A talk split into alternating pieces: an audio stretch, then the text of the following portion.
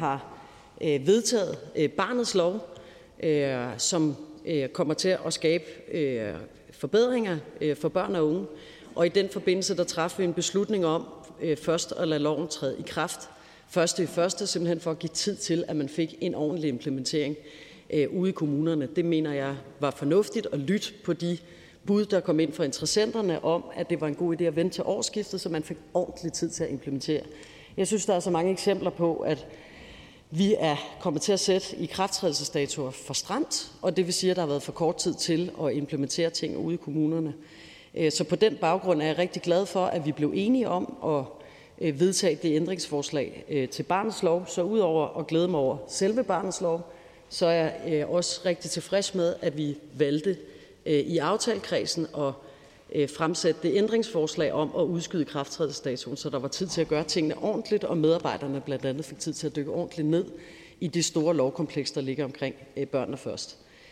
Øh, så må jeg sige, at jeg synes, det er sådan lidt teknikagtig diskussion i dag, fordi børnene får jo pengene om utrolig få dage. Hvad skriver vi den 21. december i dag?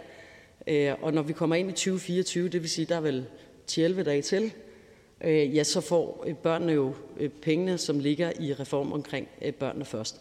Så bare for at sige, at det kommer næsten til at lyde som om, at der så ikke alligevel bliver prioriteret penge Øh, til børneområdet. Øh, det kan jeg sige, at det gør der, øh, startende fra den 1. i 1. 24, hvor loven træder i kraft. Jeg vil gerne lige afklare nogle af de ting, som er foregået i den her proces. Med det her aktstykke der overføres ca. 360 millioner kroner Øh, fra reserven til børn først til regeringsreserven. Øh, der er tale om uforbrugte midler, og der er alene tale om uforbrugte midler i 2023 øh, som ellers efter almindelig praksis ville være bortfaldet ved årets udgang. De uforbrugte midler følger af lige præcis det, jeg nævnte indledningsvis, nemlig at ikrafttrædelsen af barnets lov er blevet udskudt. Det er den faktisk blevet nogle omgange, og derfor så har der ikke været særlig mange udgifter i 2023, selvfølgelig fordi initiativerne ikke er påbegyndt. Øh, med aftalen om børnene først øh, fra maj 2021 blev der sat penge af til en række initiativer i aftalen, øh, og samtidig blev der lavet en reserve til finansiering af barnets lov. Og da aftalen blev indgået, var det forudsat, at loven skulle træde i kraft 1. januar 2023. Med aftalekredsens opbakning er ikrafttrædelse af barnets lov blevet udskudt tre gange, blandt andet efter ønske fra en række af kerneinteressenterne på børne- og ungeområdet, Øh, fordi de havde, øh, som sagt, interesse i at få lidt bedre tid til at implementere det store nye lovkompleks. Første gang så udskydes krafttrædelsen fra den 1. 1. 23 til den 1. april 23. Øh, den udskydelse sker efter drøftelse i aftalekredsen, hvor blandt andet SF den 24. november 21 konkret foreslår i krafttrædelsesdato 1. april 23. Lovforslaget fremsættes øh, den 6. oktober 22 og bortfalder så efterfølgende på grund af udskrivelse af valg øh, til Folketinget. Øh, anden gang udskydes ikrafttrædelse til 1. oktober 23 som følge af, at lovforslaget skulle genfremsættes i begyndelsen af 2023. I den forbindelse blev aftalekredsen orienteret om, at fremsættelsen blev udskudt fra februar til senere. Det skyldes dels udskrivelsen af valget, dels at lovens økonomiske konsekvenser for kommunerne ikke var faldet på plads øh, med KL, da der ikke kunne opnås øh, enighed om de økonomiske konsekvenser af lovforslaget. I den forbindelse præsenteres også justeringer i bestemmelserne om støttepersoner og venskabsfamilier, som var de største knaster i økonomien med kommunerne. Øh, det var første gang, at de partier, som lige nu siger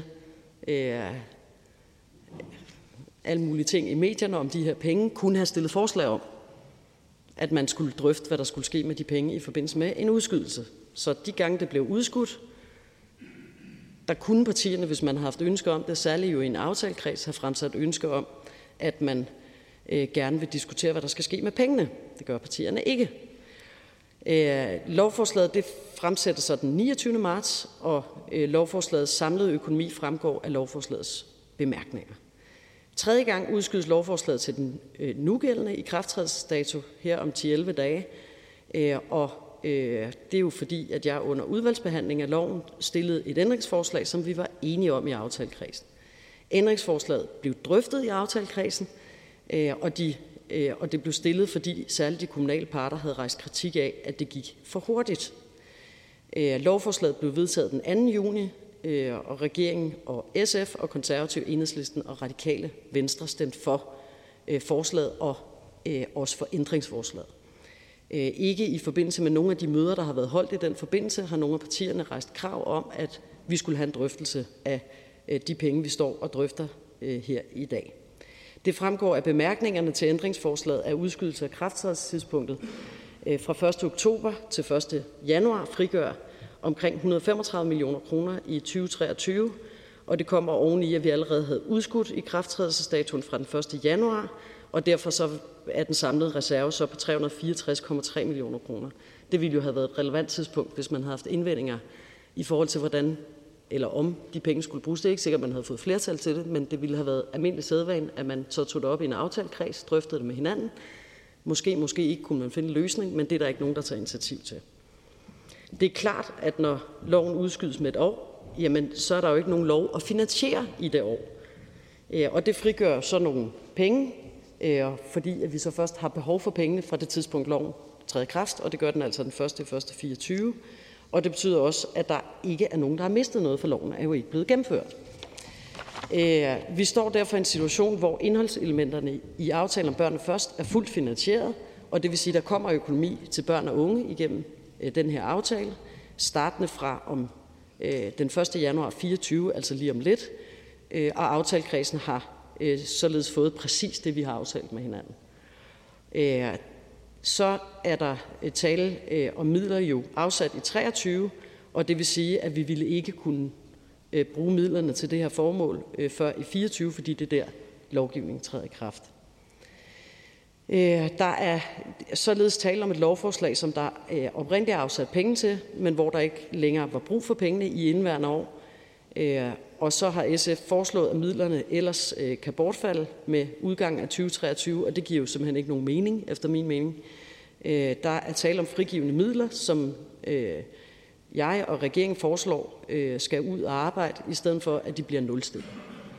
Øh, og derfor så lægges der med aktstykke 68 op til, at midlerne omprioriteres, øh, fordi de er en sådan størrelse, at det kan give mening at anvende dem til de dispositioner, som regeringen løbende foretager sig, og sikre, at der generelt er øh, råd til mere. Vi følger derfor helt normal praksis, og det undrer mig faktisk, at man starter med at stemme for et ændringsforslag, har alle oplysninger tilgængelige, og herefter ikke også stemmer for de ting, der er den den, den øh, hvad kan man sige, tekniske øh, udførsel af det øh, ændringsforslag. Så det undrer mig såre, at vi skal have den her debat nu. Det undrer mig, at de pågældende partier ikke i forbindelse med behandling af det her og til de møder, vi har været til med hinanden, har stillet forslag om, at vi skulle kigge på de her penge, og det er jo ikke et tilsagn om, at man så havde gjort det, eller der havde været enighed om det i aftalekredsen. Det undrer mig bare, når vi har en aftalekreds, at man så vælger ikke at gøre det, der ville være vanlig praksis på Christiansborg, nemlig at hvis man har ønsker ind i aftalekredsen, at man så tog det op der. Tak for ordet. Tak til ministeren. Der er en række spørgere. Den første er til fru Lisbeth Bæk Nielsen.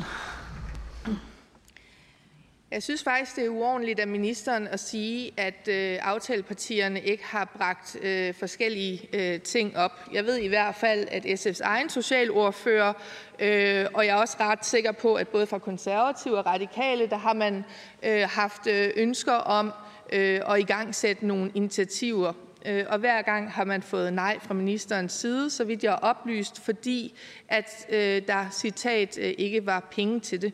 Øh, det er der jo. Der er 364 øh, millioner kroner, som socialministeren kan bruge på sit område, eget område, hvis hun og Finansministeriet øh, vil tillade det. Det har socialministeren jo selv gjort på aktstykke 98 og 99, hvor de penge ikke bliver overført til regeringsreserven, men faktisk bliver brugt på nogle andre ting på socialområdet.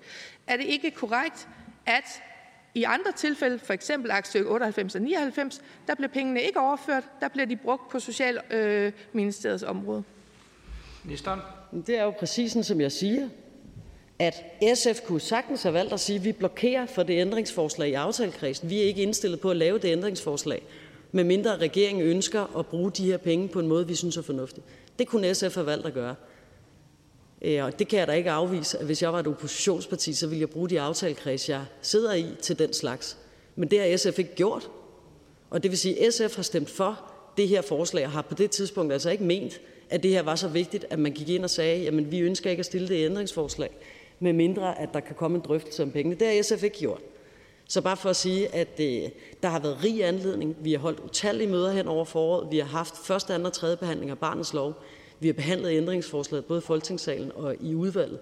Og det vil sige, at der har været den ene anledning efter den anden til, at SF kunne have sagt, vi ønsker ikke som en del af den her aftalekreds at godkende en anden ikrafttrædelsesdato, medmindre vi får lov til at diskutere de penge. Så havde vi jo som regering været tvunget til at tage den drøftelse. Det er ikke sikkert, at man havde fået opbakning til det i aftalekredsen. Men bare for at sige, at man har forpasset den ene chance efter den anden til at kunne have taget den her debat. Så. SF har ikke forpasset en eneste chance for, og det er vores socialordfører, for at nævne nogle af de mange initiativer, der kunne komme udsatte børn øh, til gavn. Det ved jeg også andre partier øh, har, og det har ministeren afvist. Det ministeren så siger, er, at vi skulle have ført en form for afpresningspolitik, hvor vi ikke ville have stemt for et øh, savligt ændringsforslag. Vi taler alle sammen herinde om, at tingene går for stærkt nogle gange. Når man så helt legitimt siger ude i kommunerne, vi har brug for lidt mere tid, så støtter vi selvfølgelig det i SF for at få den bedst mulige lovgivning. Men vi har mange gange sagt, at der er mange gode initiativer, der kunne sættes i gang. Jeg er bekendt med, at SF har rigtig mange ønsker på det her område. Her var der jo så nogle konkrete penge. Øh, og øh, i den forbindelse der har SF ikke valgt at sige, at man ønskede øh, at stemme for et ændringsforslag og på den baggrund lave en anden procedure omkring de penge end normalt. Og det vil sige, at normal procedure er jo, at når man laver en ny krafttrædelsesdato, ja, så giver det sig selv, at hvis der ikke er behov for pengene i den periode, så ryger de tilbage. Det er det, der er helt normal procedure, medmindre nogen går ind og træffer en beslutning om noget andet. Og det var der ikke nogen, der bad om. Ikke et eneste parti. Nul partier. Heller ikke SF. Så er det fru Victoria Velasquez. Tak for det. Jeg synes, det er ikke helt rigtigt, når der bliver sagt, at oplysningerne har været tilgængelige. I det brev, som ministeren har sendt til aftalekredsen, så har det ikke fremgået. Og på de møder, som ministeren refererer til, der har ministeren ikke gjort det klart. Og hverken skriftligt eller mundtligt er det kommet fra ministeren, at der har været de her penge, og muligheden har været der. Og derfor så får jeg bare lyst til at vende den rundt. Altså, hvorfor er det, ministeren ikke har lagt op til, at vi kunne drøfte? Jeg kunne nævne socialrådgiveruddannelsen. Jeg kunne nævne efterværn. Der er mange forskellige tiltag, som vi har et fælles ønske om at styrke og forbedre. Hvorfor er det, at ministeren ikke har åbnet op for, når vi netop har rejst, at der er brug for initiativer og indsatser på det her område, at vi kunne prioritere ressourcerne der? Øh, jamen, det er, fordi det ikke har været min vurdering, at vi kunne nå at lave de ting færdige inden øh, et årsskifte. Altså, det vil sige, at på det tidspunkt, hvor vi tredjebehandler og dermed også øh, behandler øh, ændringsforslaget, der er det ikke min vurdering, at vi er færdige med de ting øh, på den her side af årsskiftet. Og det her er jo penge, der skal bruges i indværende år. Og det vil sige, det er jo alt sammen ting, vi vender tilbage til, og hvor vi i øvrigt har aftalt med hinanden, at vi skal se både på efterværn øh, og på de andre ting. Så bare for at sige, at, at, at der er jo også bare den teknik omkring pengene, at de skal bruges i år. Øh, og det har ikke været min vurdering, at der var heller nogen af partierne, der havde en klar øh, for eksempel efterværnsreform, som vi ville kunne nå at lovbehandle inden årsskiftet. Det ville jo for eksempel have krævet, at man havde sendt et lovforslag i høring øh, tidligt på efteråret for at kunne nå de almindelige frister. Og det har ikke været min vurdering, at vi kunne nå det. Og så vil jeg bare sige i forhold til det, som øh, der siges her om, at der ikke er blevet gjort opmærksom på, det står simpelthen til bemærkningerne til ændringsforslaget at der bliver frigivet penge. Altså, så det er jo ikke fordi, altså, men det er jo, jeg kan anbefale, at man læser bemærkningerne til, til, til de ændringsforslag, man stemmer for. Altså, så har alle jo været bekendt med, hvordan økonomien omkring det her så ud. Spørgen? Her til slut, ændringsforslag nummer 47, der har det stået i bemærkningerne. Og derfor har jeg bare lyst til at knytte en kommentar med blik på fremtiden, at i forhold til informationsulighed og de ressourcer, man har i regeringen, så alle de møder, der er blevet nævnt forud for de her ændringsforslag, der synes jeg, det ville være godt, hvis at ministeren vil rejse det der. Et konkret forslag, jeg selv sendte til ministeren her for nylig, det var, om ikke vi kunne sætte flere penge af til julehjælp. Vi har rekordmange, der har søgt julehjælp. Selvom Socialdemokratiet lovede, at der vil være et børnetilskud frem i den nye kontanthjælpsaftale træder i kraft, så mangler de her penge. Kunne vi ikke have brugt de her ressourcer til faktisk at hjælpe de børnefamilier? Ministeren. Ja, vi har jo valgt med et andet aktstykke netop at omprioritere nogle penge, øh, og har faktisk næsten tredoblet julehjælpen i år, øh, præcis på et aktstykke, der lige er blevet behandlet i Finansudvalget. Så jeg er helt enig i, at det er den rigtige prioritering, øh, og derfor jo, at regeringen har valgt at gøre det, og i øvrigt jo med opbakning fra, jeg tror, alle Folketingets partier. Så er det fru Birgitte Klintskov Jerkel. Ja, tak.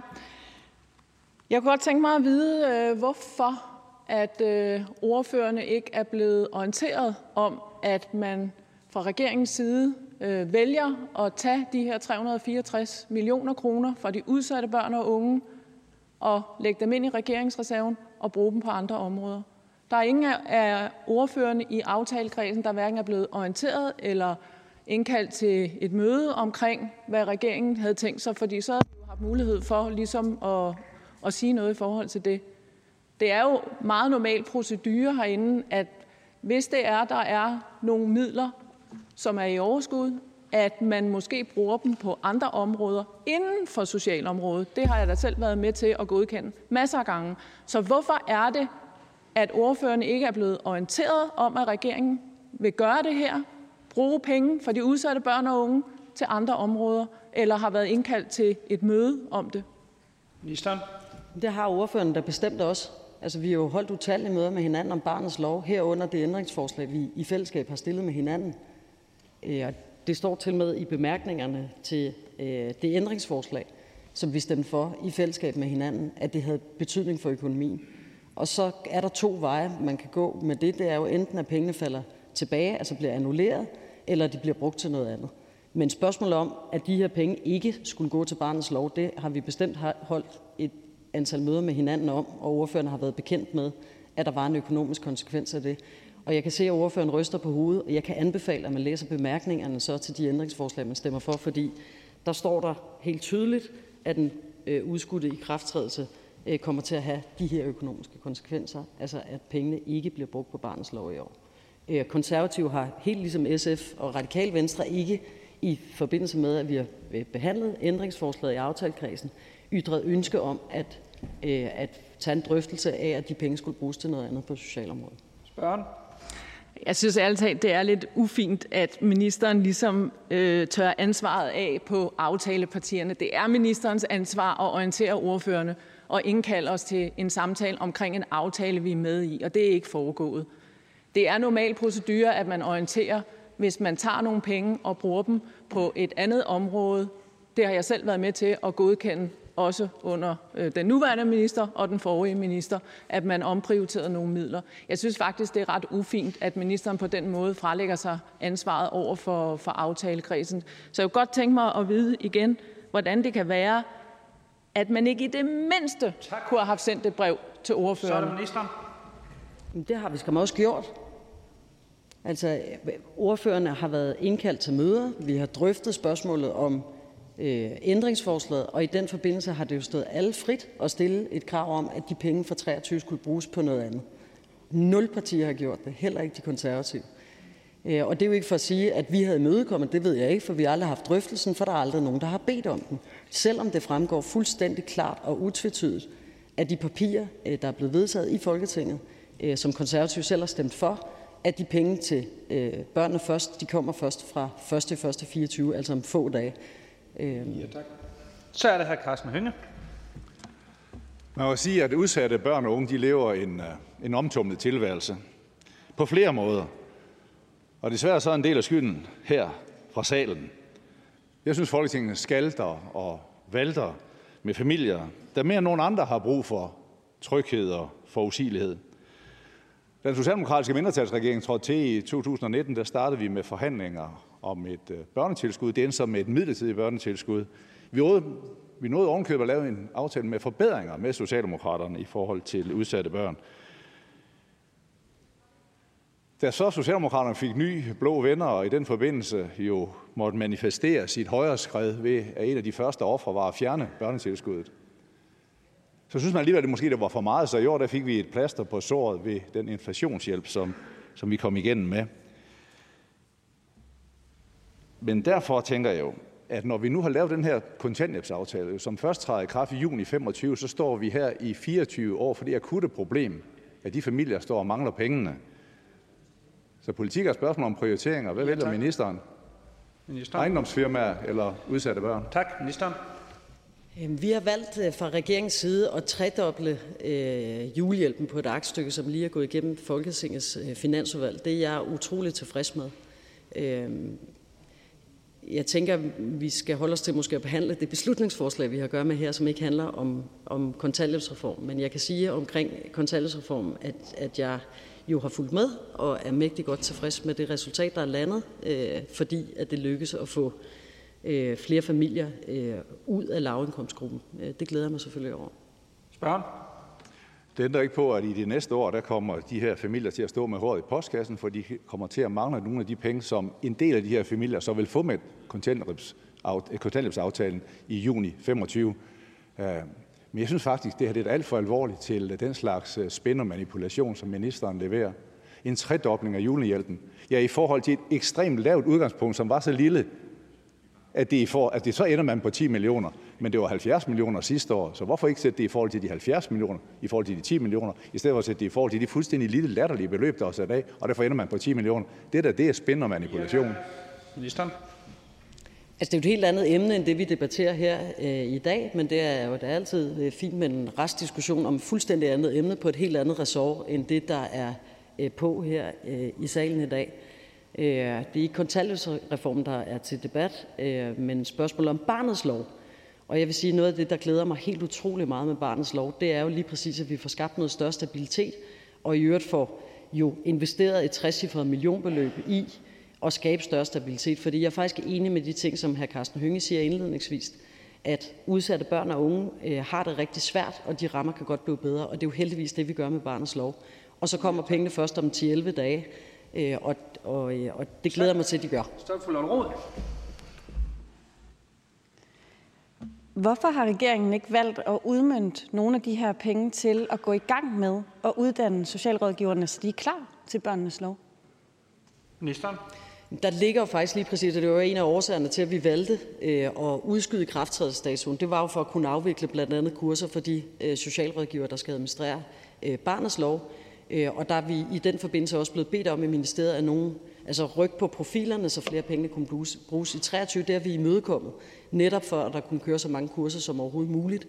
Vi har haft en stor inddragelsesproces, hvor at alle de parter, der arbejder med det her område, har været til møder i ministeriet og kommet med deres bud på, hvad vi kunne gøre bedre. En af tingene var det her, og det har vi valgt at imødekomme. Spørgen? Jeg forstår bare stadigvæk ikke, hvorfor valgte ministeren ikke at indkalde os aftalepartier til helt konkret at drøfte, hvordan vi skulle bruge de her penge i forbindelse med, at man lavede ændringsforslaget om at udskyde i krafttrædelsestidspunktet? Ministeren?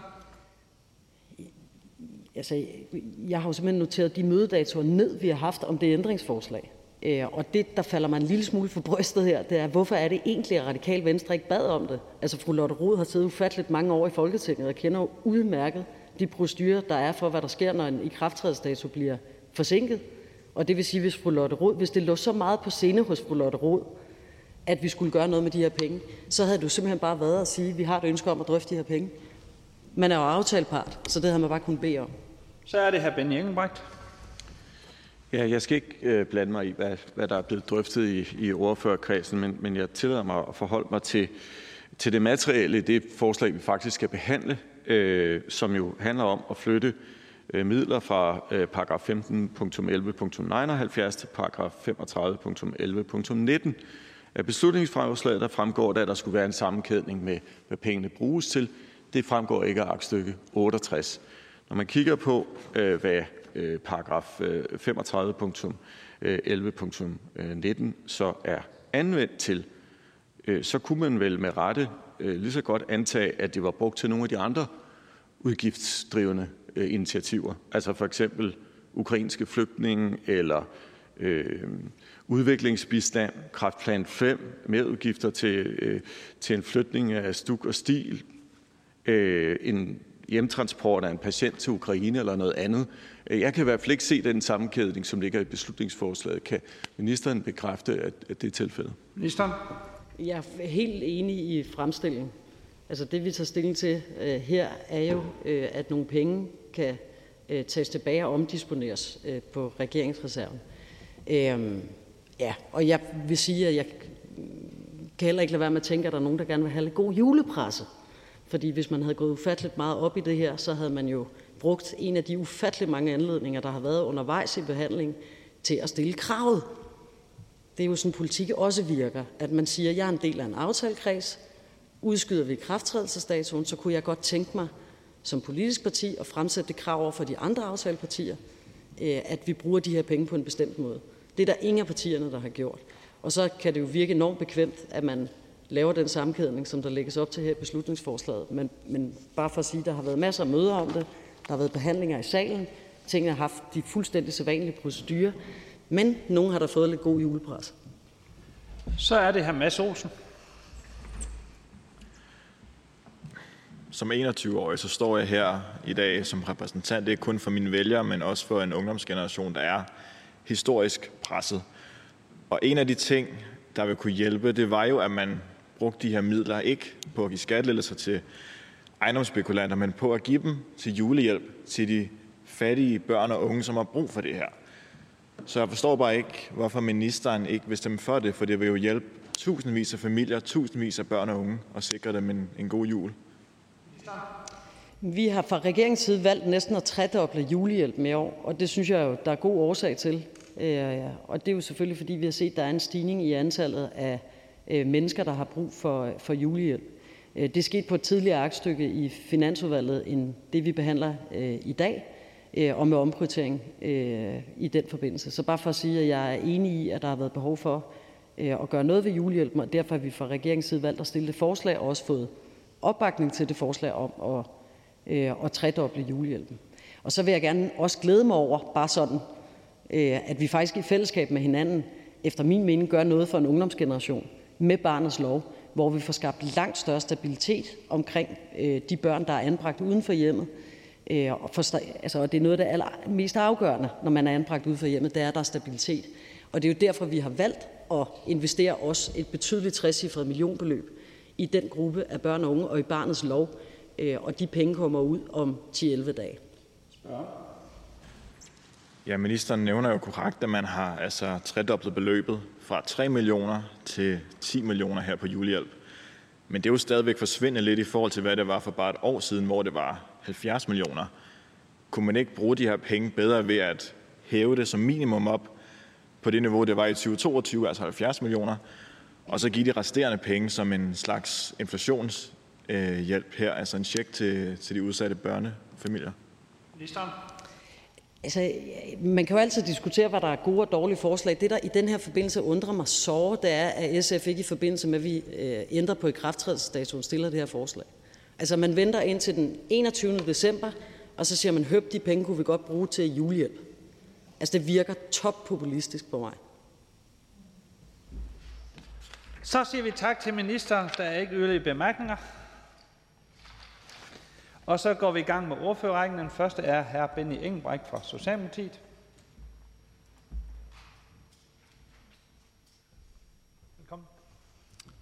Tak, formand. Øh, det foreliggende øh, beslutningsforslag handler om aktstykke 68, øh, og uagtet den debat, der har været med socialministeren, handler det jo selve forslaget ikke om øh, en, en del af det, der er drøftet, men om det materielle indhold, som altså handler om at omdisponere midler fra øh, paragraf 15.11.79 til øh, regeringsreserven paragraf 35.11.19.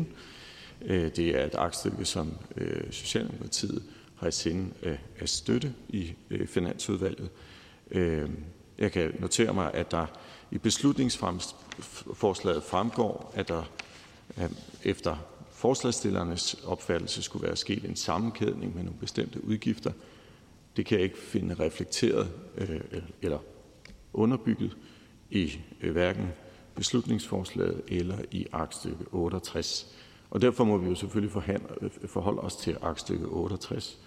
Øh, og, og, og det er jo i virkeligheden et, et ret nøgternt, måske nogen vil sige direkte kedeligt, i hvert fald fuldstændig upolitisk øh, stykke arbejde, der handler om at flytte fra en konto til en anden. Der kan være øh, givet mange diskussioner, man kan tage i øh, ordførerkredsen med ministeren, som, øh, som man også netop, netop har haft en runde på, men som finansordfører i Finansudvalget øh, skal vi jo forholde os til det, der er det materielle indhold, øh, og, øh, og det står jo ikke til at ændre at, øh, øh, at øh, man i hvert fald heller ikke med det foreliggende beslutningsforslag vil kunne omdisponere penge til anden side, øh, som ellers har været drøftet her i debatten. Så spørgsmålet her er altså alene, om man skal øh, kunne øh, tiltræde aktstykket. Og, øh, og det har Socialdemokratiet i tænden at gøre, og derfor afviser vi også beslutningsforslaget. Tak. Der er nogen, der ønsker ordet. Den første er fru Victoria Velasquez. Socialdemokratiet lovede før valget, at fattige børnefamilier skulle have et tilskud frem til kontanthjælpsaftalen trådte i kraft. Det løfte brød Socialdemokratiet. Men jeg kunne godt tænke mig at høre, hvad ordføreren mener, der er socialdemokratisk politik på det her område. Skulle det være, at man prioriterer de her penge til faktisk at hjælpe nogle af de allermest udsatte og til børnefamilierne, eller er det at give skattelettelser til ejendomsspekulanter? Det foreliggende beslutningsforslag handler jo ikke om, hvordan pengene skal bruges. Det gør aktstykke 68 heller ikke. Øh, det, jeg kan konstatere, det er, at på regeringsreserven paragraf 35.11.19 øh, er der blandt andet øh, foretaget disposition af kommunale udgifter til ukrainske flygtninge, øh, udviklingsbistand på, for 147,8 millioner kroner. Der er disponeret blandt andet 100 millioner kroner til Kræftplan 5. Mange initiativer, som samlet set øh, udgør en, øh, en udmærket øh, pulje af initiativer, og det er klart, at hvis der ikke er, om man så må sige, for et udtryk, som jeg tror, de fleste af os kan forholde os til, hvis der ikke er dækning på kontoen, ja, så har man selvfølgelig også en udfordring i forhold til nogle af de udgifter, som er afholdt. Og øh, fra Socialdemokratiets side, der står vi til fulde på mål for de samlede dispositioner, men der er ikke, er, der er ikke en sådan sammenkædning mellem en bestemt udgift på øh, den pågældende øh, udgiftsparagraf og så den her øh, overførelse. Spørgen? Så at Socialdemokratiet står på mål for de dispositioner, betyder det så, at man ikke vil prioritere at hjælpe de her mennesker? 6.553 kroner er mindstesatsen på. 6.553 kroner før skat. Det er der nogle mennesker, som er blevet syge eller har fået en fyreseddel i hånden, som der får. Og vi lavede en aftale, hvor vi gav de børnefamilier 80.000 kroner ekstra om året, for at der var råd til vintertøj, at der var råd til julegaver, at der var råd til, at køleskabet ikke var tømt i slutningen af måneden. Hvor står Socialdemokratiet der? Vil man vælge at disponere pengene til de børnefamilier eller til ejendomsspekulanter? Der er ganske enkelt ikke belæg for, at det skulle gå til øh, skattelettelser, som fru Valeskes lægger op til. Der er heller ikke nogen sammenkædning øh, med, med den diskussion, som fru Valeskes i øvrigt fremfører. Øh, undskyld, vi er nødt til at forholde os til det, der er forslagets konkrete materielle indhold, når vi står her i salen og diskuterer alt andet useriøst. Så er det fru Lisbeth Bæk Nielsen. Er det korrekt, og ordføreren må gerne svare ja eller nej, er det korrekt, at hvis det her aktstykke bliver trukket og for eksempel bliver brugt på udsatte børn, og dermed ikke overgår til regeringsreserven, så er der ikke dækning på kontoen, som ordføreren kalder det, til øh, regulering af dækningsafgiften, altså skattelettelsen. Så vil der mangle midler på den konto, og det vil blandt andet være øh, en konto, som har ja, dækket udgifter til ukrainske flygtninge, til udviklingsbistand, øh, til behandling af kræftpatienter. Mange gode initiativer samlet set. Men jeg kan ikke se nogen form for sammenkædning øh, imellem det, som fremgår af øh, fru Lisbeth Bæk Nielsens beslutningsforslag, nemlig at der skulle være en direkte sammenhæng med aktstykke, jeg tror det hedder 79. Det kan jeg ikke se nogen dokumentation for, og det har jeg heller ikke set nogen steder, at fru Lisbeth Bæk Nielsen har kunnet på, øh, kunne påvise overhovedet. Spørgen? Er det ikke korrekt, at regeringspartierne brugte deres flertal i finansudvalget for at få den her sag behandlet i Folketinget i dag, i stedet for i det nye år? Fordi ellers vil pengene fra børnene først mangle på regeringsreserven, som skal dække øh, de udgifter, der er forbundet med skattelettelsen, altså dækningsafgiften. Det vil øh, være en, øh, en manglende indtægt på den pågældende paragraf, og nu har jeg sagt det flere gange. Den opfatter mange initiativer, og hvis det er sådan, at øh, SF ikke mener, at der skal være en dækning for for eksempel udgifter til ukrainske flygtninge eller kraftbehandling, ja, så er det jo selvfølgelig op til SF. Men at det forslag, der ligger, jamen der er ikke nogen dokumentation. Og jeg kan også forstå, at nogle af de påstande, som fru Lisbeth Bæk Nielsen har fremsat i pressen, øh, ikke har dækning, og det kan jeg blandt andet forstå, at departementchefen i Finansministeriet har tilkendegivet direkte over for, for ordføreren. Så er det fru Birgitte Klintskov Jerkel. Ja, tak. Ja, nogle gange så vil man jo ønske, at man havde ret til flere spørgsmål øh, til ministeren, men nu må jeg også rette dem til ordføreren. Øh, ministeren nævner jo flere gange det her med bemærkningerne til ændringsforslaget i forhold til øh, de justeringer, der blev lavet tilbage i maj måned.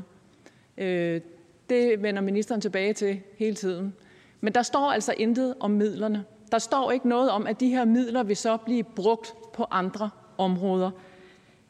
Mener ordføreren ikke, at det er rimeligt at orientere en aftalekreds, når man påtænker at tage nogle penge fra et område og bruge dem på noget andet? Ordføreren. Den diskussion må man jo tage i den pågældende forligskreds og, og, øh, og supplerende stille spørgsmål til ministeren på. Jeg er nødt til at forholde mig til det foreliggende øh, beslutningsforslag, som handler om aktstykke 68, og det fremgår det jo klart og utvetydigt, hvad øh, indholdet er. Og jeg har heller ikke øh, nogen fornemmelse af, at øh, det konservative Folkeparti er imod, at der øh, sker sådan en omprioritering. Ellers må man jo i hvert fald gøre opmærksom på det, når, øh, når, når øh, hvad hedder det, aktstykket behandles i Finansudvalget. Spørgen.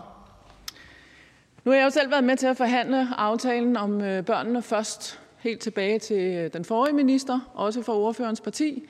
Øh, og det brugte vi i hvert fald et halvt år på Øhm, og det er ikke nogen hemmelighed, at mens vi forhandlede, der var der områder, hvor vi godt kunne have brugt nogle flere penge. Der var der også områder, som, øh, som vi fra ordførerkredsen måske ønskede, at der var lidt flere penge til. Men det var der ikke. Og der udstår stadigvæk en forhandling omkring efterværn og omkring øh, pleje, familieplejeområdet, hvor de her penge jo faktisk godt kunne have været brugt der. Jeg, jeg må indrømme, jeg forstår ikke helt Socialdemokratiets politik på det her område. Ordføreren? Øh, nu, nu gentager jeg mig selv, men øh, vi er jo nødt til at forholde os til det beslutningsforslag, der foreligger. Det beslutningsforslag handler om aktstykke 68, som handler om at omdisponere øh, midler, som ikke er forbrugt. Hvorfor midlerne ikke er forbrugt, det er jo et spørgsmål, som man må tage op i øh, forligskredsen. Det kan vi jo ikke ændre på, at det er sådan, en enig forligskreds er, er blevet enige om at udskyde i krafttrædelsestidspunktet. Og derfor forholder vi os altså øh, dermed til dette. Øh, og hvis det er sådan, at øh, konservative er imod aktstykket, så må man forholde sig til det i Finansudvalget, når aktstykket behandles. Så er det her Carsten Hønge. Kedeligt og upolitisk kalder hr. Ben Engelbrecht det, vi behandler her. Jeg synes, det er en af de mest malplacerede bemærkninger, jeg har hørt længe. For politik handler jo om prioriteringer. Så har du brugt pengene et sted, kan man ikke bruge dem et andet sted. Ja, det er ikke mere reelt et udtryk for Socialdemokratiets højreskred.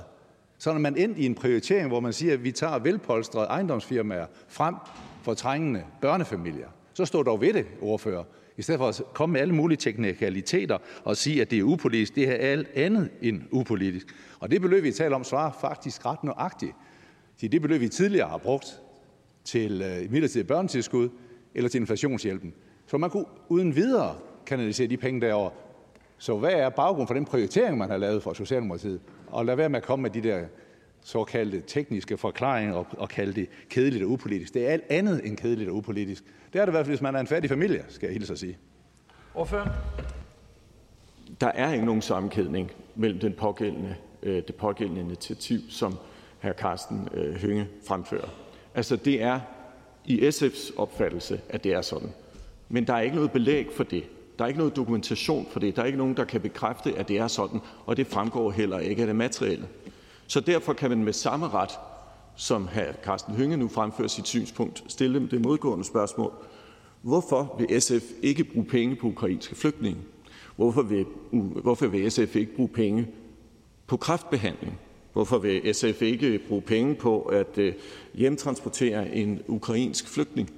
Altså, det er jo, det er jo nøjagtigt den samme logik, og det holder jo ikke i nogen steder, fordi selvfølgelig er det ikke sådan. Man må forholde sig til udgifterne i de aktstykker, hvor udgifterne øh, håndteres. Det her det er et spørgsmål om at flytte udisponerede midler.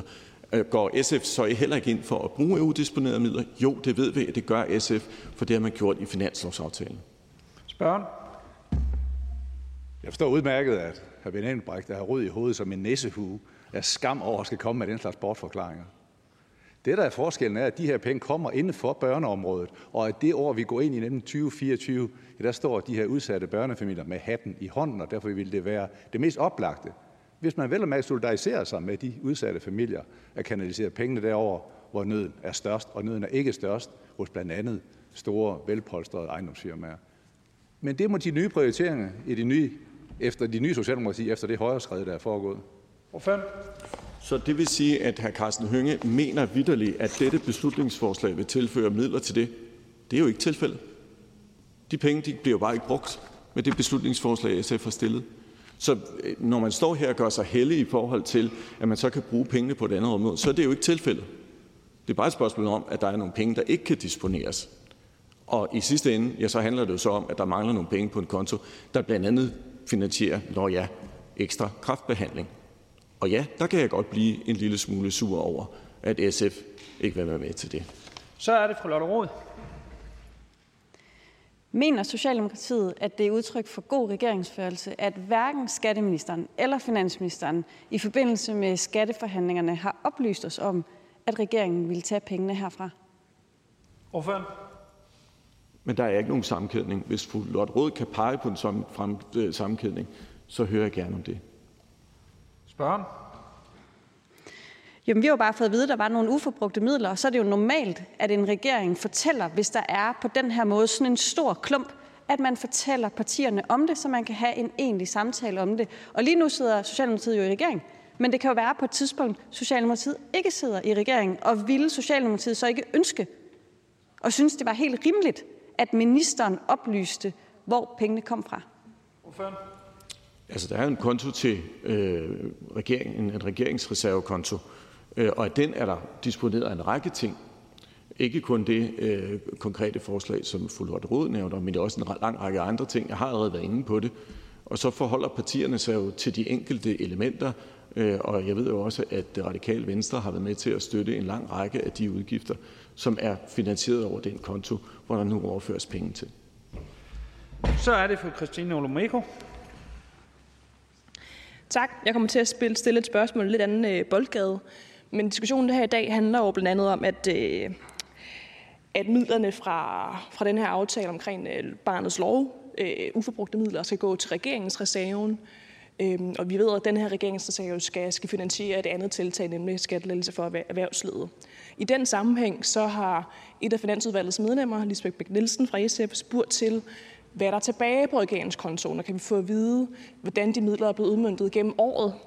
Jeg har jo selv som medlem af Finansudvalget for Alternativet spurgt til det i en anden forbindelse med et andet aktstykke øh, af andre, øh, andre hensigter, men også for at få at vide, hvordan er det, de her midler er blevet brugt. I begge tilfælde er Finansudvalgets medlemmer ikke blevet fortalt, vi har ikke fået svar på, hvordan de 940 millioner kroner på kontoen er blevet brugt igennem året. Jeg vil bare spørge ordføreren til, om ordføreren mener, at det er god praksis, at Finansudvalget dermed ikke kan opfylde sin kontrolfunktion, når vi ikke kan få at vide, hvordan kontrollen er blevet udmøntet. Ordføreren. Altså, jeg må, jeg må sige uh, tak for et, uh, et savligt spørgsmål. Uh, og jeg synes, det er helt relevant at tage den diskussion i Finansudvalget, hvordan vi i højere grad løbende kan uh, få orientering om, uh, om, om de regeringsreserver og deres disponering. Det er jo et fuldstændig relevant spørgsmål at rejse, og det synes jeg, at fru Olemikke skal rejse i, uh, i Finansudvalget. Spørgen. Tak for den positive tilbagemelding. Det er bestemt noget, som, som jeg vil tage op i Finansudvalget. Øhm, Finansministeriet har oplyst, at øh, vi på øh, loven for nu skal jeg huske, hvad det hedder, loven for tillægsbevilling, vi, vi kunne få at vide, hvordan, øh, hvordan midlerne er blevet brugt. Og jeg vil bare så i så, så fald spørge til, om ordføreren vil støtte op om, om vi kan få det opdelt på initiativer, men også opdelt på, på måneder og gennem året. Ordføreren. Jeg, kan, jeg mindes ikke, at der på, øh, på, på, ændrings, eller på, på, øh, på det lovforslag ligger en opgørelse på månedsbasis, øh, tids, tidsforskydningen der. Det mener jeg ikke, at der gør, at den er opstillet sådan. Øh, men, øh, men Finansudvalget har jo øh, taget initiativ til at lave øh, et særligt arbejde, der følger implementering øh, af blandt andet reformer og andet. Og det vil være helt naturligt, synes jeg, at tage øh, dette spørgsmål op i forbindelse med det øh, initiativ, som, øh, som vi også skal drøfte øh, i, i Finansudvalget. Så siger vi tak til ordføreren. Der er ikke yderligere bemærkninger. Og så er næste ordfører hr. Hans Andersen fra Venstre. Kom. Tak for det. SF stiller med det her beslutningsforslag forslag om, at social- og boligministeren trækker aktstykket nummer 68 fra Finansudvalget. Forslaget fra SF er, at midlerne skal omprioriteres efter aftale med partierne bag aftalen om børnene først, eller også skal de bortfalde ved årets udgang. Vores fælles aftale om børnene først og implementeringen er udskudt, og, øh, og det er jo sket efter aftale med aftalepartierne. Og øh, nu sker det jo så først januar 2024. Det har været en, en lang proces. Jeg har personligt været med til for år tilbage at forhandle selve aftalen på plads. Øhm, og det betyder jo, at der er frigjort 364 millioner kroner. Og af bemærkningerne tilbage i, i, øh, i tilbage i juni 23 fremgik det jo også, at, øh, at når den pågældende lovgivning ikke blev implementeret 1. oktober, men 1. januar 2024, så var der også, så var der også frigjort midler øh, deraf. Således er jo børn, aftalen om børnene først jo fuldt finansieret. Øh, der er finansiering årene, der kommer. Starten allerede her 1. januar 2024. Så der er jo ikke brug for pengene i 23. Så der er, aftale, der er nu tale om frigjorte midler.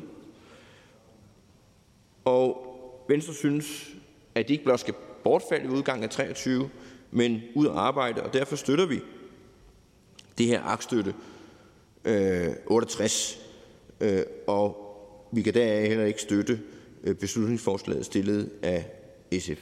Tak. Tak til ordføreren. Der er et par korte bemærkninger. Den første er fru Lisbeth Bæk Nielsen. Tak. Øhm, det er jo helt legitimt at synes, at de her penge skal ud og arbejde. Øh, vi diskuterer, hvad de skal ud og arbejde øh, for. Øh, kan Venstres ordfører fortælle os, hvad de her penge kommer ud og arbejder for? Altså, hvad konkret kommer de til at arbejde for eller finansiere? Ordføreren.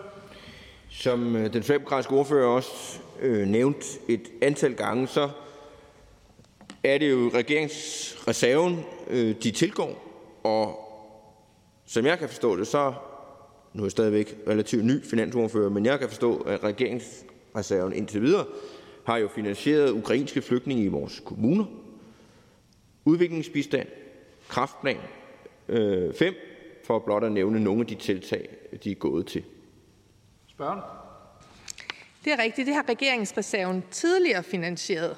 Nu er regeringsreserven tæt på 0, og man kan læse ud af aktstykke 79, at noget af det, der skal finansiere øh, dækningsloftet og dækningsafgiften, er regeringsreserven. Hvilke penge står på regeringsreserven? Det gør pengene for børnene først. Hvorfor? Som den socialdemokratiske øh, finansordfører øh, nævnte, så er der jo ikke i forbindelse med disponeringer fra regeringsreserven øh, en til en sammenhæng her. Og jeg kan konstatere, at regeringsreserven indtil videre har finansieret ukrainske flygtninge udviklingsbistand og kræftplan 5. Rigtig gode initiativer, som jeg tænker også, at SF har støttet op om. Øhm, og derfor synes jeg, at, at man kan sige, at jeg støtter i hvert fald op om, at de her penge skal ud og arbejde, således at vi ikke går i underskud på den pågældende konto, og ledes, at, at de har så finansieret udmærket tiltag indtil videre. Så er det fru uh, Birgitte Klintskov Jerkel. Ja, tak. Jamen, nu er ordførerens øh, parti jo selv med i aftalen øh, om øh, børnene først. Øh, og som jeg nævnte over for den forrige ordfører, så øh, var der jo initiativer i aftalen, som vi jo godt kunne have haft tænkt os lidt flere penge til dengang. Det var der ikke. Sådan var det. Synes ordføreren ikke, at det ville have klædt ministeren at øh, orientere partierne om, at man nu tager de her penge fra de udsatte børn og unge og bruger på andre områder, eller have indkaldt ordførerne til et møde omkring det, så vi måske kunne have justeret noget øh, i forhold til de ting, der faktisk var på bordet, da man sad og forhandlede aftalen. Ordføren.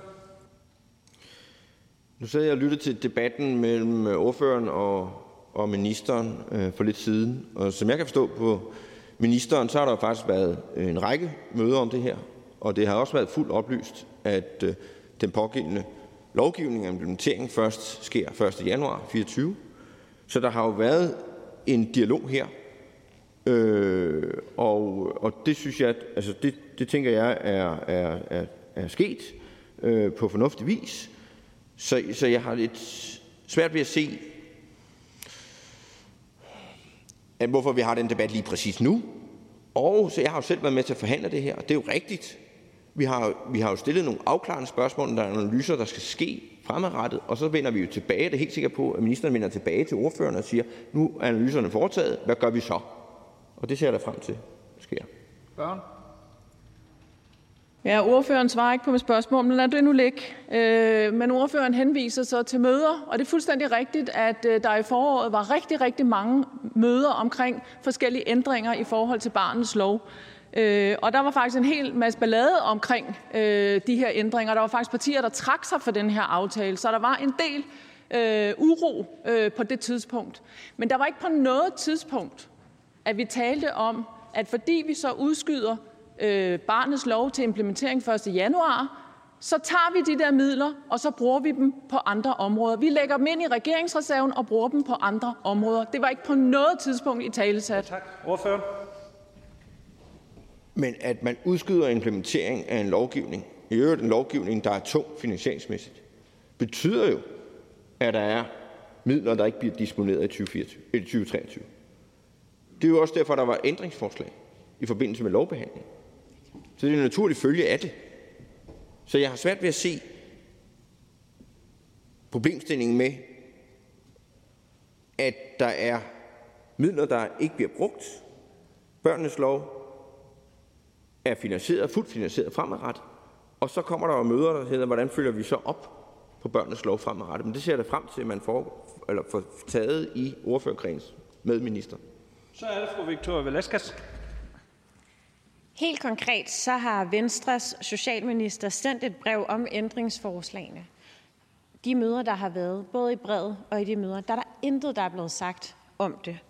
Og derfor vil jeg gerne spørge, om, ja, om ordføreren mener, at øh, Venstre og regeringen fremadrettet skal gøre sig mere umage for ikke at øge informationsuligheden, men faktisk mindske den at leve op til nogle af de ting, som regeringen har sagt om ikke at ville være magtfuldkommen, men faktisk sikre transparens og sørge for at inddrage Folketingets partier?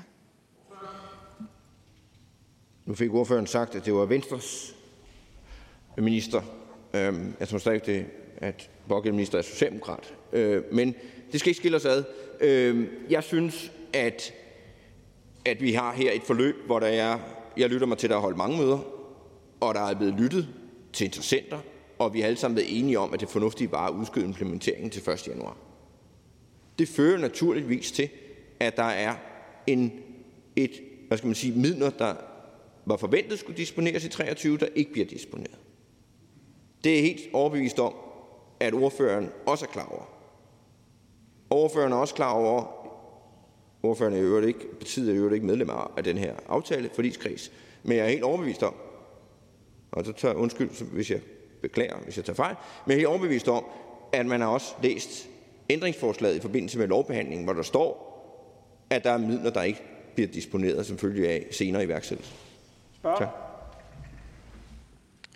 Det er så ikke det, der står, og jo, vi er med i aftalen. Altså jeg tænker, at regeringen er i, eller hvad hedder det, Venstre er i regering, og derfor må det vel også være Venstre, der skal stå på mål for, hvad det er, regeringen gør, og hvad det er, at regeringsministre gør. Og derfor kunne jeg godt tænke mig at høre, om Venstre egentlig mener, at det er en opgave, man vil tage på sig i regeringen fremadrettet. Hvad er det for en, måde, man mener, der er en god forhandlingsmåde, en god måde at, øh, at udøve sin regeringsmagt på? Den anden ting, det er, at det her også kan være udtryk for en uenighed. Og der ved jeg ikke, om Venstres ordfører synes, at man skulle have brugt pengene anderledes. Tak, Venstre er tilfreds med, at der er midler til at gennemføre den aftale, vi har lavet med hinanden om børnene først. Den er fuldt finansieret, når vi kigger årene fremover. Det er Venstre meget tilfreds med. Vi synes, at det har taget meget lang tid.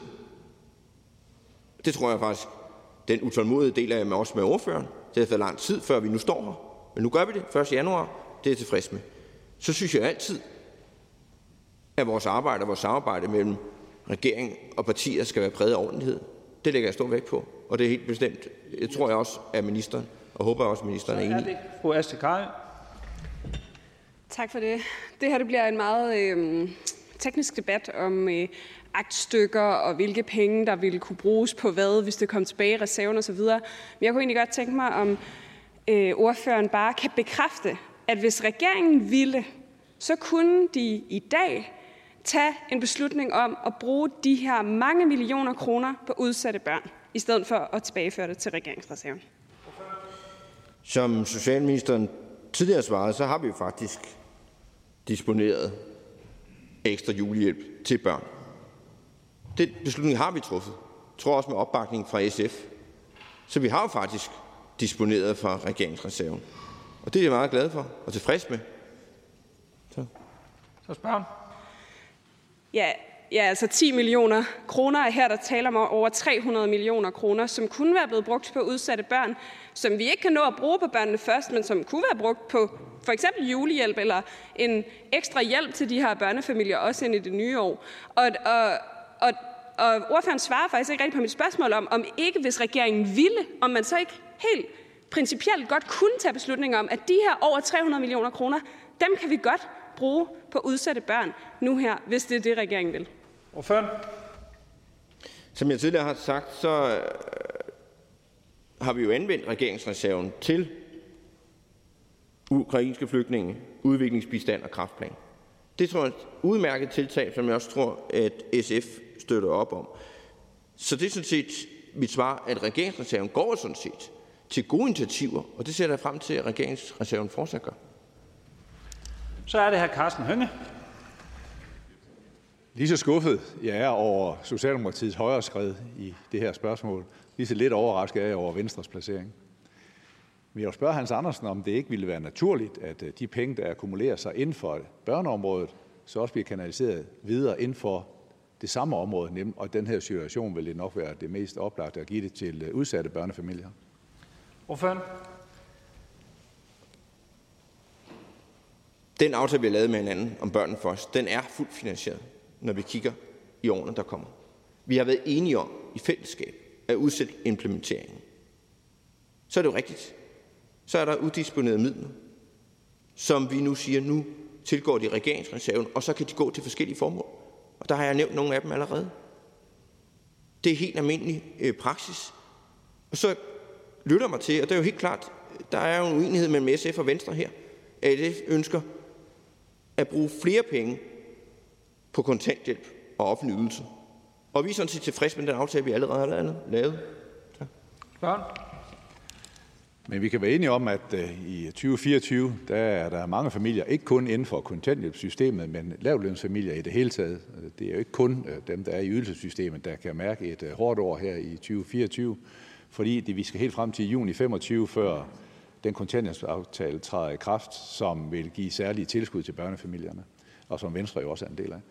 Øh, Derfor er det, jeg spørger igen, vil det ikke være naturligt, når vi nu ved, at de her familier er hårdt presset præcis i 24, og vi præcis i 24 har 364 millioner til disposition, men så også gav det, at det går fra børn til børn? Det er midler, som ikke er disponeret, og det er midler, som skulle have gået til en aftale, som vi i fællesskab har udsat til 1. januar. De midler foreslår vi nu går, tilgår til regeringsreserven for at finansiere forskellige tiltag, som også SF har støttet op omkring. Udviklingsbistand, ukrainske flygtninge. Og så er det jo rigtigt. Så er der bare en uenighed mellem SF og Venstre i forhold til, hvor høje offentlige ydelser man skal have i det her land. Og den tror jeg ikke, vi, øh, vi helt får afklaret i dag. Jeg kan ikke se flere bemærkninger på min skærm, så vi siger tak til ordføreren. Og så er det fru Lisbeth Bæk Nielsen fra SF. Og jeg kan orientere, at fru Lisbeth Bæk Nielsen har valgt at dele sin øh, tid, så hun får 5 minutter her og 5 minutter under det sidste ordfører for forslagstilleren. Blot til info. Velkommen. Mm.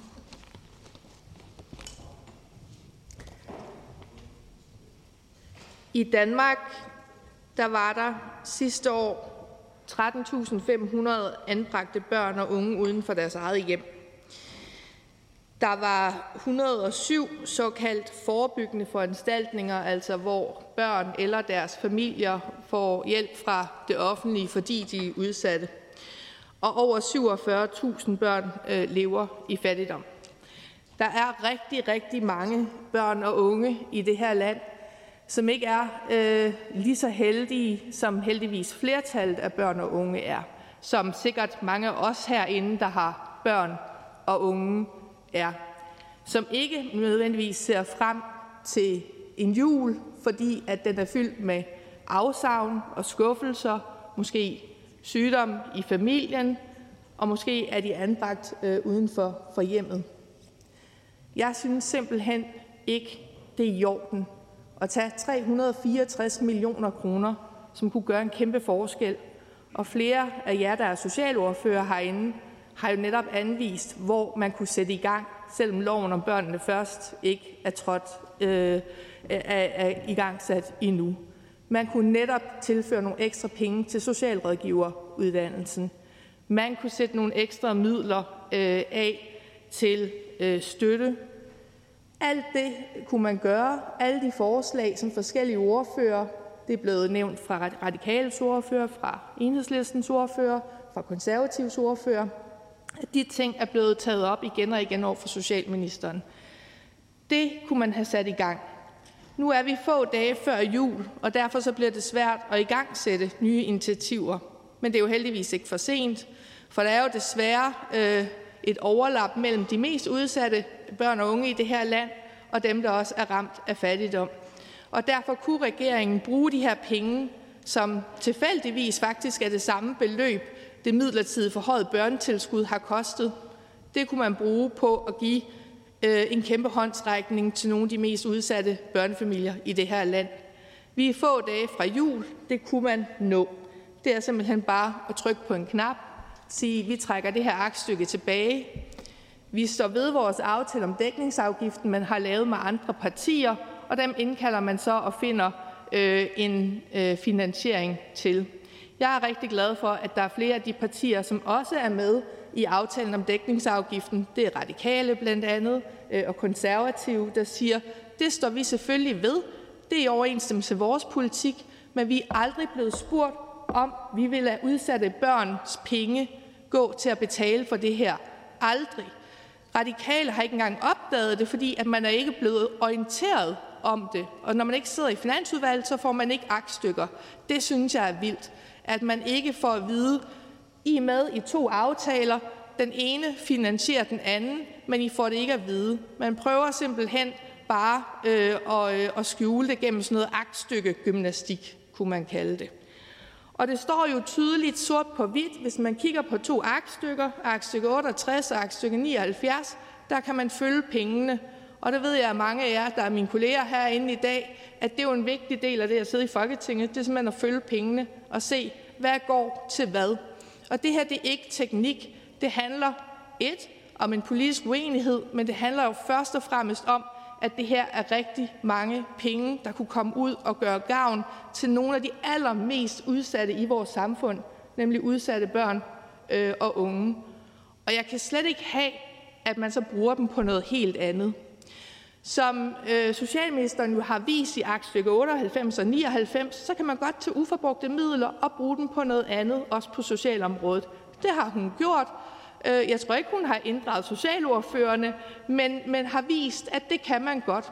For der er jo tit af gode øh, grunde uforbrugte midler på et eller andet område, øh, og der kunne man bruge den på en anden måde. Det kan man også her, og det er faktisk ikke engang øh, for sent. Man kan trække aktstykket tilbage, og så bruge de midler, der jo er fundet, bruge dem øh, på en håndtrækning til udsatte børnefamilier. Øhm, Tiden er ved at løbe ud. Øh, jeg vil bare øh, sige, at jeg er rigtig glad for, at der er så mange partier i dag, der støtter op i det principielle her, at der nemlig skal være ordentlighed omkring, hvordan vi bruger pengene i det her land, og der skal være ordentlighed omkring de penge, der allerede er afsat til udsatte børn og unge. Tak til ordføreren. Der er på korte bemærkninger. Først er til fru Victoria Velasquez. Tusind tak for øh, det arbejde, der ligger forud for, at vi kan få klarlagt det her nu og få rejst denne her vigtige diskussion. Jeg håber, at det her gør, at det bliver for dyrt at gentage at gøre det her igen til fordel for de mest udsatte og børnene i vores samfund. 364 millioner kroner. Altså, det er jo mere end det, vi tilført den gamle kontanthjælpsaftale, der løftede knap 10.000 børn ud af fattigdom, sikrede receptpligtig gratis medicin og meget, meget mere. Jeg har to spørgsmål. Den ene er, at jeg har faktisk stillet et spørgsmål til ministeriet, om vi ikke skulle afsætte flere penge til julehjælp end de 10 millioner ekstra, der kommer nu, sammenlignet med de 70 millioner, vi afsatte sidste år. Og her der fik jeg faktisk at vide, at de andre uforbrugte midler skulle gå til den sociale investeringsfond. Og der vil jeg bare høre i forhold til SF spørgsmål 4 til aktstykket har spurgt om, hvorfor at ministeren ikke har indkaldt forligskredsen bag børnene først til udmyndningen. Og der er svaret, at henset til størrelsen på de uforbrugte midler lægges der midlertidigt op til at omprioritere midlerne forud for bevillingsafregningen. Hvad forstår ordføreren ved det svar? For det første så skriver man det jo i hvert fald ikke øh, særlig klart, men for det andet så kan vi jo øh, igen på de her forskellige konti, der kan vi jo se, at når Socialministeriet øh, vil overføre 364 millioner kroner til regeringsreserven, så er det fordi, at Rubberstup der bliver brugt til at betale for dækningsafgiften, altså den her skattelettelse til øh, øh ejendomsselskaber. Hvis de penge fra Børnene Først ikke bliver ført over på regeringsreserven, så er der simpelthen ikke finansiering til aftalen om dækningsafgiften. Øhm, og øh, nu øh, Liberal Alliance, hørte jeg øh, forleden, plejer at sige, at man skal jo finansiere sine aftaler. Det er jo så ikke øh, sket her i hvert fald, øh, og kommer få dage før jul i et, øh, i et aktstykke. Pengene mangler simpelthen på regeringsreserven til at betale for skattelettelsen, hvis de ikke bliver overført fra børnene først. Spørg. Lige præcis. Og derfor vil jeg gerne slutte af med at spørge ordføreren. Hvilken konsekvens har det for vores samfund, at prioriteringer trækker i den retning, at det bliver skattelettelser til ejendomsspekulanter, mens at fattige børnefamilier ikke kan fylde køleskabet. Der er lige kommet en afsavnsundersøgelse, der viser, at nødvendige måltider bliver sprunget over. Hvad for nogle konsekvenser har det? Ordføreren? Men jeg synes, den her sag, og det er også derfor, vi har taget den i Folketingssalen, Øh, både principielt, men måske også det mest lysende eksempel på den her regering og dens prioriteter, nemlig skattelettelser over velfærd. For det kan jo ikke stå mere tydeligt klart, at man tager 364 millioner, der skulle være gået til de mest udsatte børn og unge, og bruger dem på en skattelettelse til ejendomsselskaber. Så er det her Benny Engelbrecht. Kan ordføreren pege på, hvor det øh, materielt fremgår, at der er den sammenkædning, som, altså udover i øh, SF's øh, eget beslutningsforslag, hvor det materielt skulle fremgå, at der er en sådan sammenkædning mellem aktstykke 68 og aktstykke 79? Ordføreren? Det kan jeg sagtens. I aktstykke 79 der er der en oversigt, der anviser finansiering til dækningsafgiften, altså den her skattelettelse til ejendomsselskaber. Der viser præcis, hvilke konti, der skal betale for den her skattelettelse. Og en af de konti, det er øh, regeringsreserven. Hvis pengene fra øh, børnene først ikke bliver ført over på regeringsreserven, jamen så mangler øh, stort set hele det beløb, der skal betale for skattelettelsen. Spørgen? Ja, der mangler jo så også penge til øh, for eksempel kræftplan 5 øh, og andre øh, tiltag. Nu ryster ordføreren på hovedet, men jo, det er jo det, der er tilfældet, fordi der er ikke en øremærkning af pengene, som de bliver overført. Så udover at det her så i, i SF's fantasi, er der så noget rigtig dokumentation, altså sådan virkelig dokumentation, som SF kan fremlægge for en sådan sammenhæng? Ordføreren? Men jeg kan godt anvise en anden kilde også. Jeg har nemlig stillet et spørgsmål om, hvor mange penge der er tilbage på regeringsreserven. Og der fik jeg at vide, at der stort set ikke er nogen penge tilbage, med mindre pengene fra børnene først kommer over på regeringsreserven. Og så er der jo ikke finansiering til skattelettelsen, hvis der står et rundt nul på regeringsreserven. Det, det er jo logik. Så siger vi tak til ordføreren. Der er ikke yderligere bemærkninger. Og så er det hr. Henrik Fransen fra Moderaterne.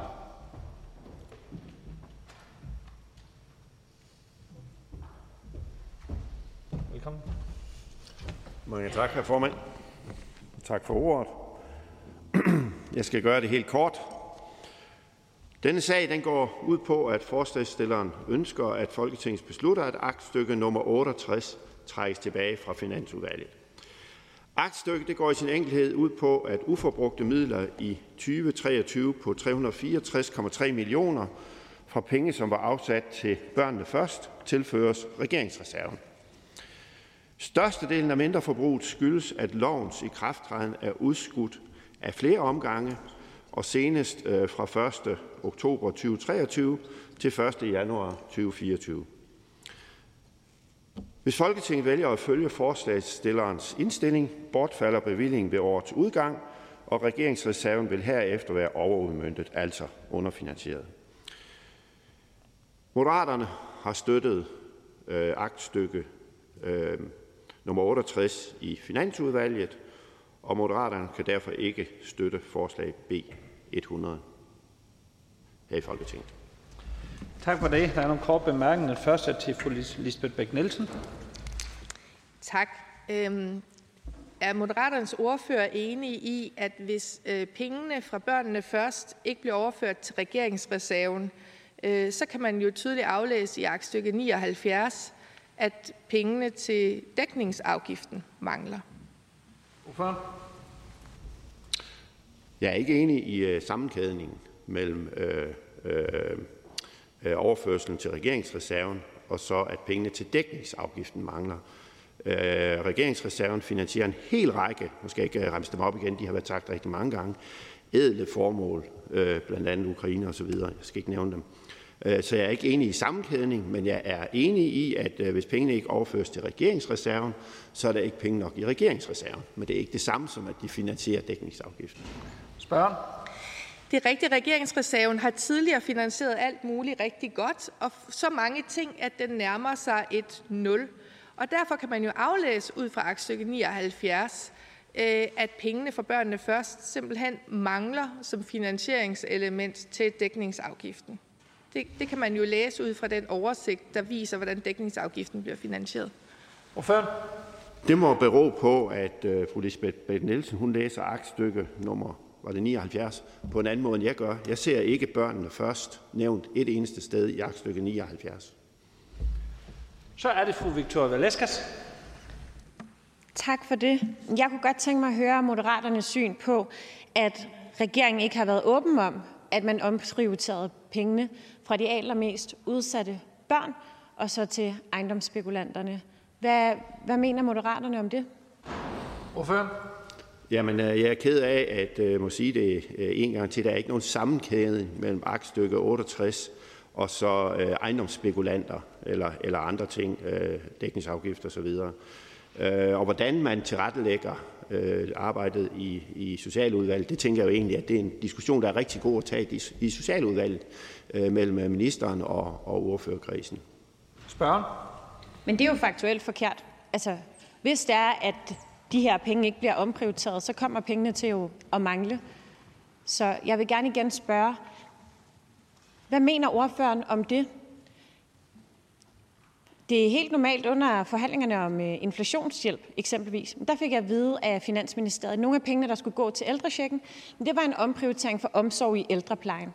Så hvis vi med åbne øjne, der er nogle uforbrugte midler her, det blev vi gjort bekendt med, som vi kunne bruge på en anden måde. Det har man valgt ikke at gøre her. Hvad mener Moderaterne om det?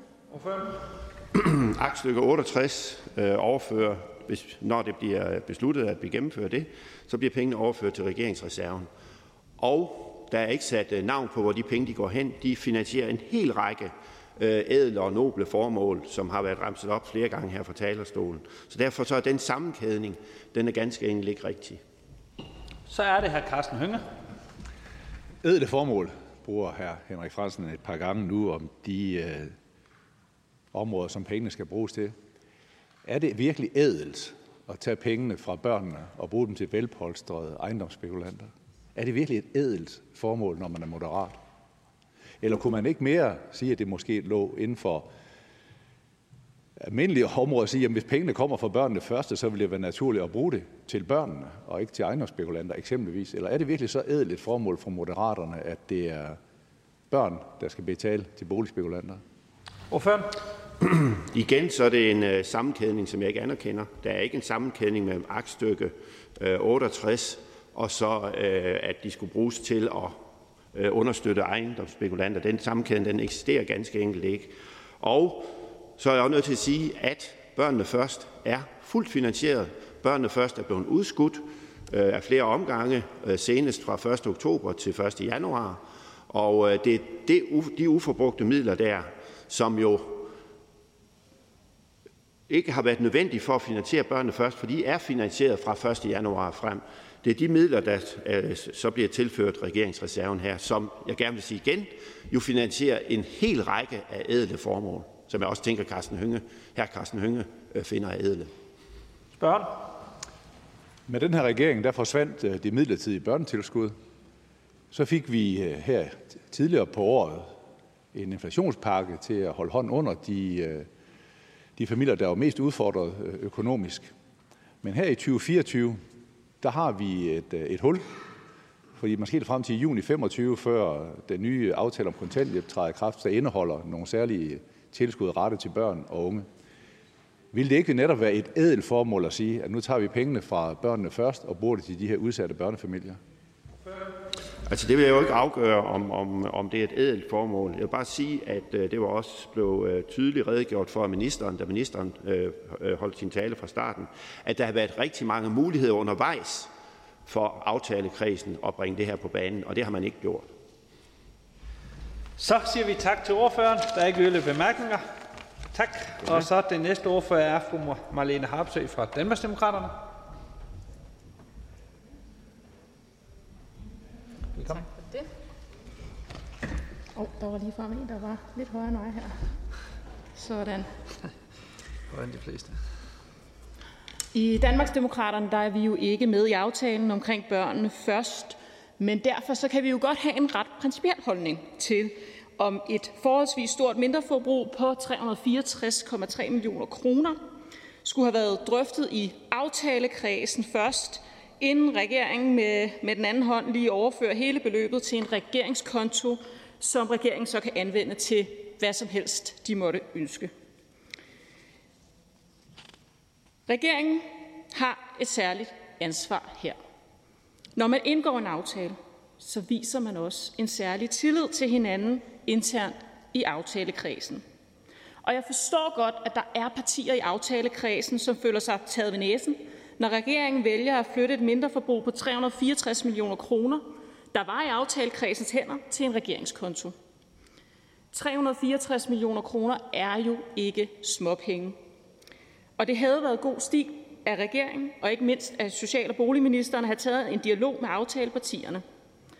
Regeringen har jo flertal, og de kan jo i princippet gøre, hvad de vil, og det gør de så også. Men det skaber altså mistillid i en aftalekreds, når regeringen forsøger at lægge 364,3 millioner kroner fra en aftale og så over på en regeringskonto, uden at rejse det i aftalekredsen. Regeringen har som sagt et særligt ansvar, og regeringen er altså ikke fejlfri, selvom man forsøger at vise det modsatte. I Danmarksdemokraterne der mener vi, det havde klædt regeringen at have indkaldt aftalepartierne til en drøftelse inden det skulle komme hertil, at SF følte sig nødsaget til at stille dette beslutningsforslag. I Danmarksdemokraterne kan vi derfor tilslutte os B100 om at trække aktstykke nummer 68 af 29. november 2023 om omprioritering til regeringsreserve tilbage. Tak for ordet. Og vi siger tak til ordføreren. Der er ingen bemærkninger. Og vi går videre til næste ordfører. Det er hr. Ole Birk Olsen fra Liberal Alliance.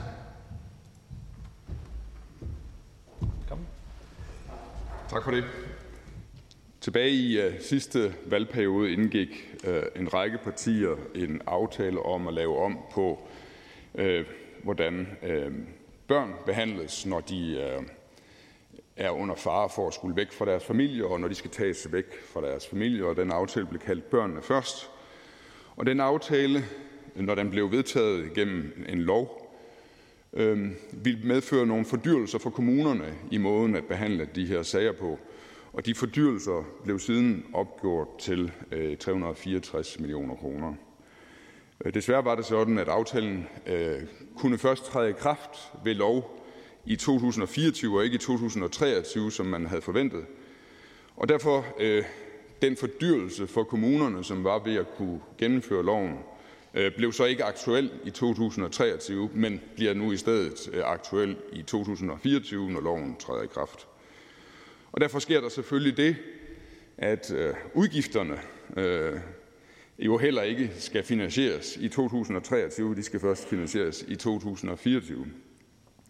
Og det er ikke sådan, at man i børnene først aftalen ligesom har aftalt, at, at, at hvis sådan noget skulle ske, så skal man i stedet bruge pengene på mere julehjælp eller en socialrådgiveruddannelse eller noget som helst andet. Øh, ligesom hvis man laver en skatteaftale om, at man skal lette en skat for 300 millioner kroner, og det viser sig, at den kan først træde i kraft året efter forventet, så er det ikke sådan, at man sidder i en skatteaftale forligskreds og siger, Nå, men så skal vi sandelig lette nogle andre skatter i 2023, øh, fordi nu bruger vi jo ikke de her penge i 2023, de bruger først i 2024, og vi er meget fortørnet over, at pengene ikke er til rådighed. Øh, sådan er det ikke. Øh, heller ikke på andre områder end socialområdet. Oven i det kommer, at den aftalekreds, som har lavet børnene først, øh, ikke har rørt en finger for at fremskaffe pengene. Det har aftalekredsen bare fået fra, de penge har aftalekredsen bare fået fra Finansministeriet, som har stillet dem til rådighed fra en eller anden konto i Finansministeriet. Så det er ikke sådan, at aftalekredsen har sagt, nu laver vi nogle besparelser her og her og her, eller vi opkræver et nyt gebyr eller en ny skat her og der og der og så skaffer vi 364 millioner kroner, og, og nu er det så vores 364 millioner kroner, fordi vi har skaffet pengene. Hvis de ikke bruges i 23, så må vi bruge dem på noget andet. Men man har bare fået pengene til at finansiere sin aftale fra Finansministeriet.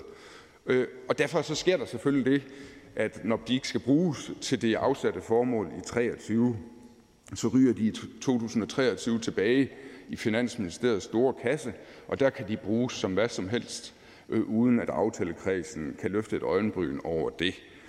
Men uh, tillykke til SF for at have fået store dele af omverdenen og også en del oppositionspartier til at tro, at der er foregået noget, noget lusk øh, her uh, med pressens hjælp. Det er jo sådan, at hvis man går til pressen med ting og siger det med nok overbevisning og patos, så kan man altid få dem til at lave en overskrift. Og det er så også lykkedes for SF her, og det er jo da et godt spinarbejde. Men i substansen er, er der ikke noget indhold i det her. Øh, og derfor stemmer vi selvfølgelig øh, imod beslutningsforslaget. Tak til ordføreren. Der er et par korte bemærkninger. Den første er til fru øh, Lisbeth Bæk Nielsen. I modsætning til hr. Ole Birks parti, øh, som jeg husker det, så var SF med til at lave finansloven for 2022, hvor i finansieringen til børnene først er. Så vi og alle andre partier, der var med i den aftale, har fundet de penge. Øhm, men jeg vil egentlig spørge om noget andet da Ole Birk øh, og Liberal Alliance var med til at lave den her aftale om om et stop for stigningen i i dækningsafgiften, øh, som jeg godt forstår at LA øh, ideologisk politisk er for. Da man indgik den aftale, fik man så at vide, hvordan den skulle finansieres, eller diskuterede man det? Hvorfor? Altså, de her penge bliver jo, over, bliver jo altså ikke brugt i 2023 og bliver så og så bruger de, bruges de i stedet i 2024. Øh, og dermed er det vel næppe fra en finanslov for 2022, men en finanslov for 2023, og den var Liberal Alliance med i. Vi føler os ikke snydt alligevel, øh, fordi det, som jeg har argumenteret for. Jeg deltog ikke som øh, ordfører i forhandlingerne om dækningsafgiften, øh, men jeg kan ikke forestille mig, at man har fået at vide andet end, at Øh, den aftale er finansieret fra regeringsreserven, men, men uden nogen yderligere besked om, øh, hvad regeringsreserven består af osv. Og jeg synes heller ikke rigtig, det giver nogen mening at sige, at, at de kommer fra børnene først, fordi det der bare er, det er, at pengene er ikke blevet brugt på børnene først i 23, og derfor selvfølgelig øh, ikke, øh, og derfor selvfølgelig røget tilbage til regeringsreserven. Spørgen? På regeringsreserven er der tæt på 0 kroner tilbage, så hvis der ikke bliver tilført penge fra børnene først, så er der ikke penge til at betale for skattelettelsen, altså dækningsafgiften. I forhold til det andet, så jo, det er penge fra finansloven for 2022, fordi aftalen om børnene først øh, og, og barnets lov øh, er blevet skudt, altså implementeringen af det er blevet skudt adskillige gange. Så der har været en forsinkelse øh, på det. Så jo, vi har øh, fundet øh, pengene i finansloven, men derudover så mener jeg, at det er god stil, at øh, aftalepartierne bliver indkaldt for at drøfte sådan nogle ting. Ordføren? Nu mener jeg ikke, det er penge, der kan overføres øh, på den måde fra år til år. Det tror jeg ikke, at det er det, der sker ved aktstykket i hvert fald. Men øh, det er nogle længere tekniske ting. Øh, når man ikke skal bruge de penge, som man har afsat i 23, så skal de jo tilbage på en anden konto. Det er jo ikke sådan, at de så skal bruges på noget andet, som SF kunne ønske sig, men som man ikke har aftalt i aftalepartierne. Altså det, det, det er jo ikke aftalt, at der skal bruges penge på ekstra julehjælp og, og flere socialrådgiver og uddannelser. Altså det er jo ikke aftalt. Fru Victoria Velasquez, Enhedslisten. Værsgo. Men nu er der jo sket det, at regeringen udenom aftalepartierne bare har brugt det på det, som de har lyst til, i stedet for at tage det op med aftalepartierne. Og, derfor bare, og det var derfor, jeg markerede, fordi der er noget, ordføreren sagde, som ikke er helt rigtigt. Udover finanslovsdelen, så i Børnene Først, så er der konkret også aftalt, eksempelvis, at vi skal kigge på efterværn. Og der er ikke sat en krone af. Så der er flere eksempler på, at der er noget, som der er aftalt, men som der mangler finansiering. Ordføreren? Ja, men hvad, jeg forstår ikke, stadig ikke rigtig pointen. Der sidder en aftalekreds på socialområdet og vil gerne lave en aftale, der hedder Børnene Først, og den koster nogle penge. Så siger den daværende regering, Finansministeriet, okay, I kan godt få de penge herfra til det formål. Altså, man har jo ikke fået pengene for, at de kunne bruges på alle mulige andre ting. Man har brug, fået pengene fra Finansministeriets kasser til det formål. Og så aftaler man i aftalekredsen, at det kan ikke gennemføres i 2023, så man venter til 2024. Der får man så også penge til det formål. Men man har jo ikke fået 364 millioner kroner til, hvad, whatever man måtte ønske. Hvad enten man, må, hvad, hvad, hvad end man måtte ønske i 2023. Altså, det er jo en fuldstændig falsk påstand, at det skulle være sådan. Fru Victoria Velasquez. Så tror jeg, der er sket en misforståelse, fordi der er ikke lagt op til, at det skulle bruges på whatever man kunne ønske sig, eller hvad end man kunne tænke sig. Helt konkret, så er der lavet en aftale, og der er eksempelvis efterværn. Der er, der er ikke nogen finansiering til det. Der er også andre eksempler, hvor det, der er en del af aftalen, og som er en del af den ramme, mangler finansiering. Så helt, det er helt okay, hvis at Liberal Alliance ikke er enige i de dele af, af aftalen eller andre ting, men mener ordføreren ikke, at det gode havde været at sige, der er blevet frigivet nogle ressourcer her, vi bruger det inden for rammen af det, som vi har aftalt, vi bruger det hensigt til det, som det er blevet afsat til? Ordføreren? Nej, jeg synes, det er en rigtig, rigtig fin praksis, der foregår her. I modsætning til, hvad fru Lisbeth Bæk Nielsen har sagt om principper osv., så er det ikke nogen principper, som jeg tilslutter mig. Det er ikke nogen almengyldige principper, det her. Det er nogle principper, som er opfundet til lejligheden, for at man kan få en overskrift i medierne. Fru Brigitte Klintskov Jerkel, Det Konservative Folkeparti. Ja, tak. Øh, jamen, øh, nu var ordførens parti jo øh, med i aftalen om børnene først til at starte med. Øh, og i foråret øh, trak Liberal Alliance sig så fra øh, aftalen på grund af nogle utilfredsheder med aftalen. Øh, og det er ikke nogen hemmelighed, da vi forhandlede aftalen, så var der også områder, som vi godt ville have haft nogle flere penge til, øh, til nogle forskellige initiativer. Så jeg kunne egentlig godt tænke mig at høre ordføreren, synes ordføreren ikke, at det er en lidt uordentlig måde, magtfuldkommen måde at gøre det her på, og man ikke engang som minimum orienterer ordførerne om, at nu har man tænkt sig øh, at lægge de her 364 millioner kroner ind i regeringsreserven. Er der nogen kommentarer til det? Det er da helt almindelig procedure, at man sender sådan noget ud til ordføreren. Det har jeg i hvert fald oplevet masser af gange før, men ikke i det her tilfælde. Ordføreren? Jamen, altså, jeg synes ligesom, det giver sig selv, og jeg kan da heller ikke udelukke, at det har stået et eller andet sted i nogle papirer, man har fået uddelt, at det er sådan, det er. Og det er der ikke noget mærkeligt og heller ikke noget forkert i, at Finansministeriet siger til aftalekredsen, okay, I har lavet en aftale, der koster 364 millioner kroner, og dem får I her. Værsgo. Værsgo, aftalekreds. Det er jeres penge til det formål. Og så beslutter aftalekredsen, at det skal ikke gøres det her i 2023 alligevel. Og så siger finansministeren, nå okay, så får I ikke pengene i 2023 selvfølgelig, fordi I gennemfører jo ikke det her i 2023. I gennemfører det i stedet i 2024, og der får I pengene igen. Brigitte Birgitte Klintskov Jerkel. Ja, der står altså ikke noget omkring midler i det der ændringsforslag, i bemærkningerne til ændringsforslaget, som vi behandlede, da vi behandlede barnets lov. Øhm, ja, øh, og så vil jeg sige, at øh, nu har jeg siddet i Folketinget i syv år og været socialordfører de seks af dem, og jeg har masser af gange været med til at omprioritere midler inden for socialområdet. Nogle overskydende midler, som blev, for eksempel blev brugt på julehjælp, eller hvad det nu end har været, at der har været behov for en ekstra indsats. Og derfor så synes jeg faktisk, at det bare som minimum ville have klædt regeringen at orientere ordførerne om, hvad man påtænker at gøre. Ordføreren. Ja, jeg ved jo ikke, hvad der er foregået af orientering, fordi jeg ikke er en del af den ordførerkreds længere. Men der, jeg kan bare ikke rigtig se noget mærkeligt i det. På alle andre områder, ministerområder, transport og skat og så videre, som jeg har været en del af. Øh, hvis pengene ikke kan bruges i indeværende år, så bliver de ikke brugt i indeværende år. Det er jo ikke sådan, at man så nødvendigvis kan bruge dem på alt muligt andet, man har lyst til. Sådan, sådan er det ikke nogen steder, med mindre aftalekredsen har gjort en indsats for selv at fremskaffe midlerne. Men det har aftalekredsen ikke her. Den har bare taget imod nogle midler fra Finansministeriet. Fru Trine Pertou Mark, Enhedslisten. Værsgo.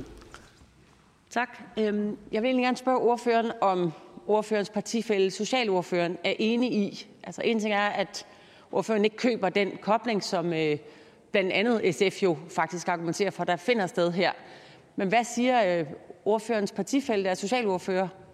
Ville det ikke have været fint, at de her penge forblev i aftalekredsen, så det var her, man faktisk omprioriterede dem, så pengene blev til børneindsatser, som de var tiltænkt til? Ordføreren. Øh, jeg har talt med socialordføreren om det her, og jeg har ikke hørt nogen indvendinger imod min udlægning af det. Det er muligt, at socialordføreren havde et andet syn på tingene, før øh, socialordføreren talte med mig. Men da jeg fremlagde, hvordan jeg så sagen, så tror jeg, at socialordføreren ser på sagen på samme måde. Jeg har i hvert fald ikke hørt nogen indvendinger. Fru Trine Petomark. Bare for lige forstå, så det der er min pointe er ikke så meget, om ordføreren køber fortællingen om, at de her penge ikke kan kobles til skattelettelser, men det principielle i, at man fjerner penge fra en aftalekreds og hiver dem tilbage et andet sted, i stedet for at fastholde dem, som flere andre ordfører har været inde på, i aftalekredsen, så de kan prioriteres til det, man politisk er blevet enige om i fællesskab. Er det ikke socialordførens ønske, at det i virkeligheden var det, der skulle ske? Ordføreren. Det tror jeg ikke. Ikke efter, at socialordføreren har fået en forklaring fra finansordføreren om, hvordan den her slags ting foregår. Tak for det. og Der er ikke flere korte bemærkninger. Vi siger tak til hr. Ole Birk Olsen fra Liberal Alliance. Jeg byder nu velkommen til fru Brigitte Klintskov Jerkel fra Det Konservative Folkeparti.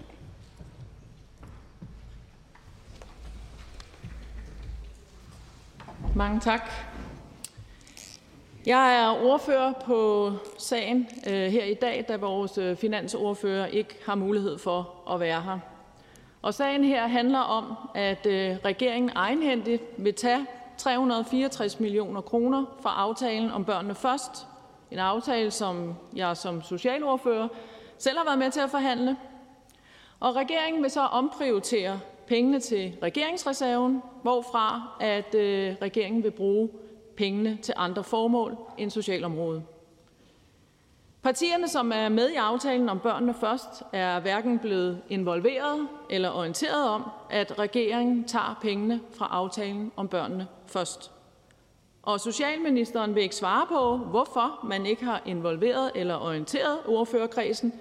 Det synes jeg er meget uordentligt og magtfuldkommen måde at behandle forlispartier på. Samtidig sad vi under forhandlingerne om børnene først, og godt kunne have brugt flere penge til området.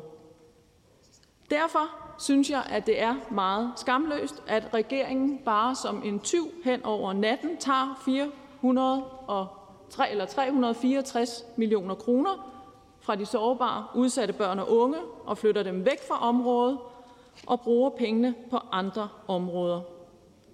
Og man kunne som minimum have orienteret aftalekredsen i det gode samarbejds ånd. Jeg synes, det virker meget magtfuldkommen. Der er masser af plads til forbedringer på socialområdet, så pengene bør selvfølgelig blive der. Og det konservative Folkeparti støtter beslutningsforslaget her. Tak for ordet. Tak for det. Der er en kort bemærkning. Fru Lisbeth Bæk Nielsen, Socialistisk Folkeparti. Værsgo. Tak.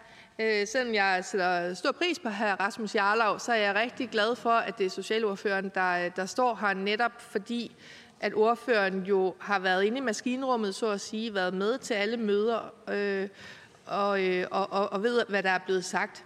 Er det rigtigt, at øh, under lovbehandling af barnets lov og i foråret og til statusmøder om børnene først i sommer og i efteråret, der er der øh, flere socialordfører, der har spurgt ministeren, hvornår man skal i gang med at drøfte efterværn, kvalitet i anbringelser og en opkvalificeringsmodel til socialrådgiver på området.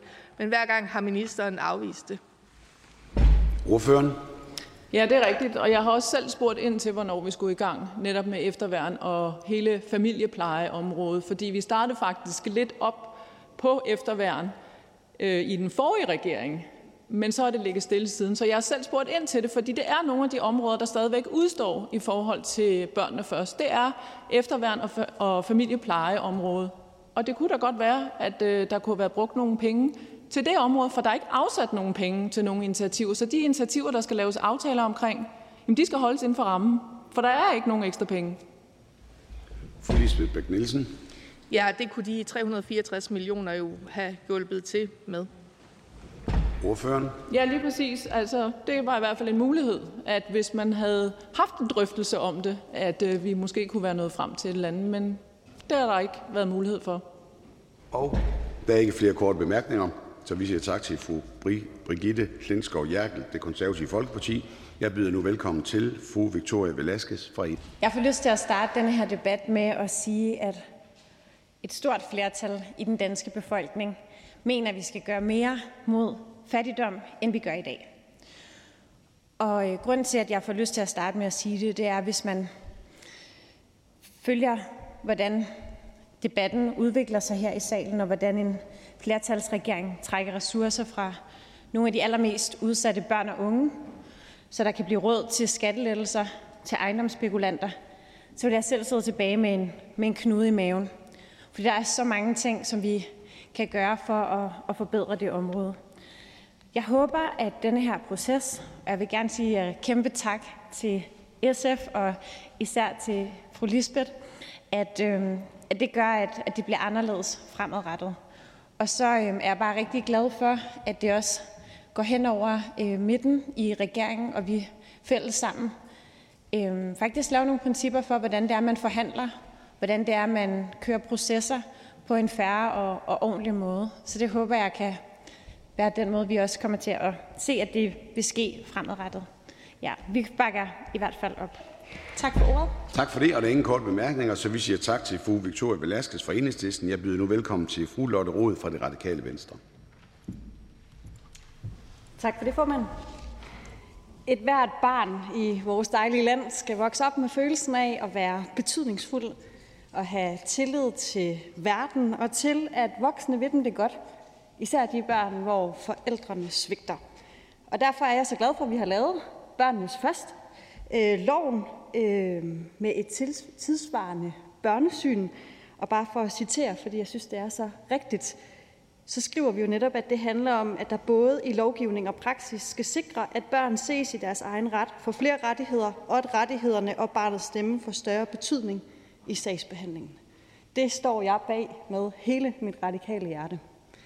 Derfor kan jeg heller ikke forstå den prioritering, som regeringen har lavet. Hvorfor vælger regeringen ikke at bruge pengene på børnene, men at tage dem væk fra børnene? Fordi til alle de møder, vi har været til øh, omkring barnets lov, har noget af det, der har fyldt allermest, jo været betydningen af socialrådgivernes faglighed. Det, at børnene møder nogle voksne, som er deres hjælper. Og derfor kan jeg heller ikke forstå, at vi ikke som minimum har haft en diskussion af, kunne vi ikke bruge nogle af de her penge på at sætte uddannelsesindsatsen i gang, sådan så at børn får den hjælp, de har brug for.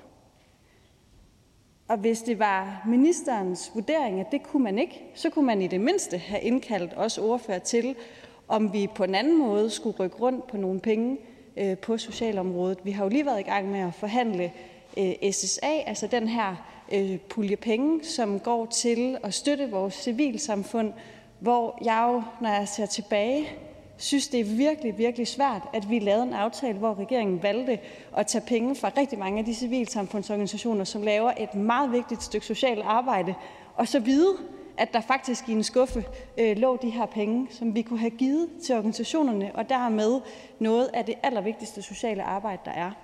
Eller i hvert fald som det tredje, som andre ordfører også har været inde på, hvis ministerens vurdering var, at vi var ved at være lidt sent på den, så kunne man jo i hvert fald have brugt nogle af pengene på julehjælp, sådan så de børn, der har allermest brug for det, kunne få hjælpen med det samme.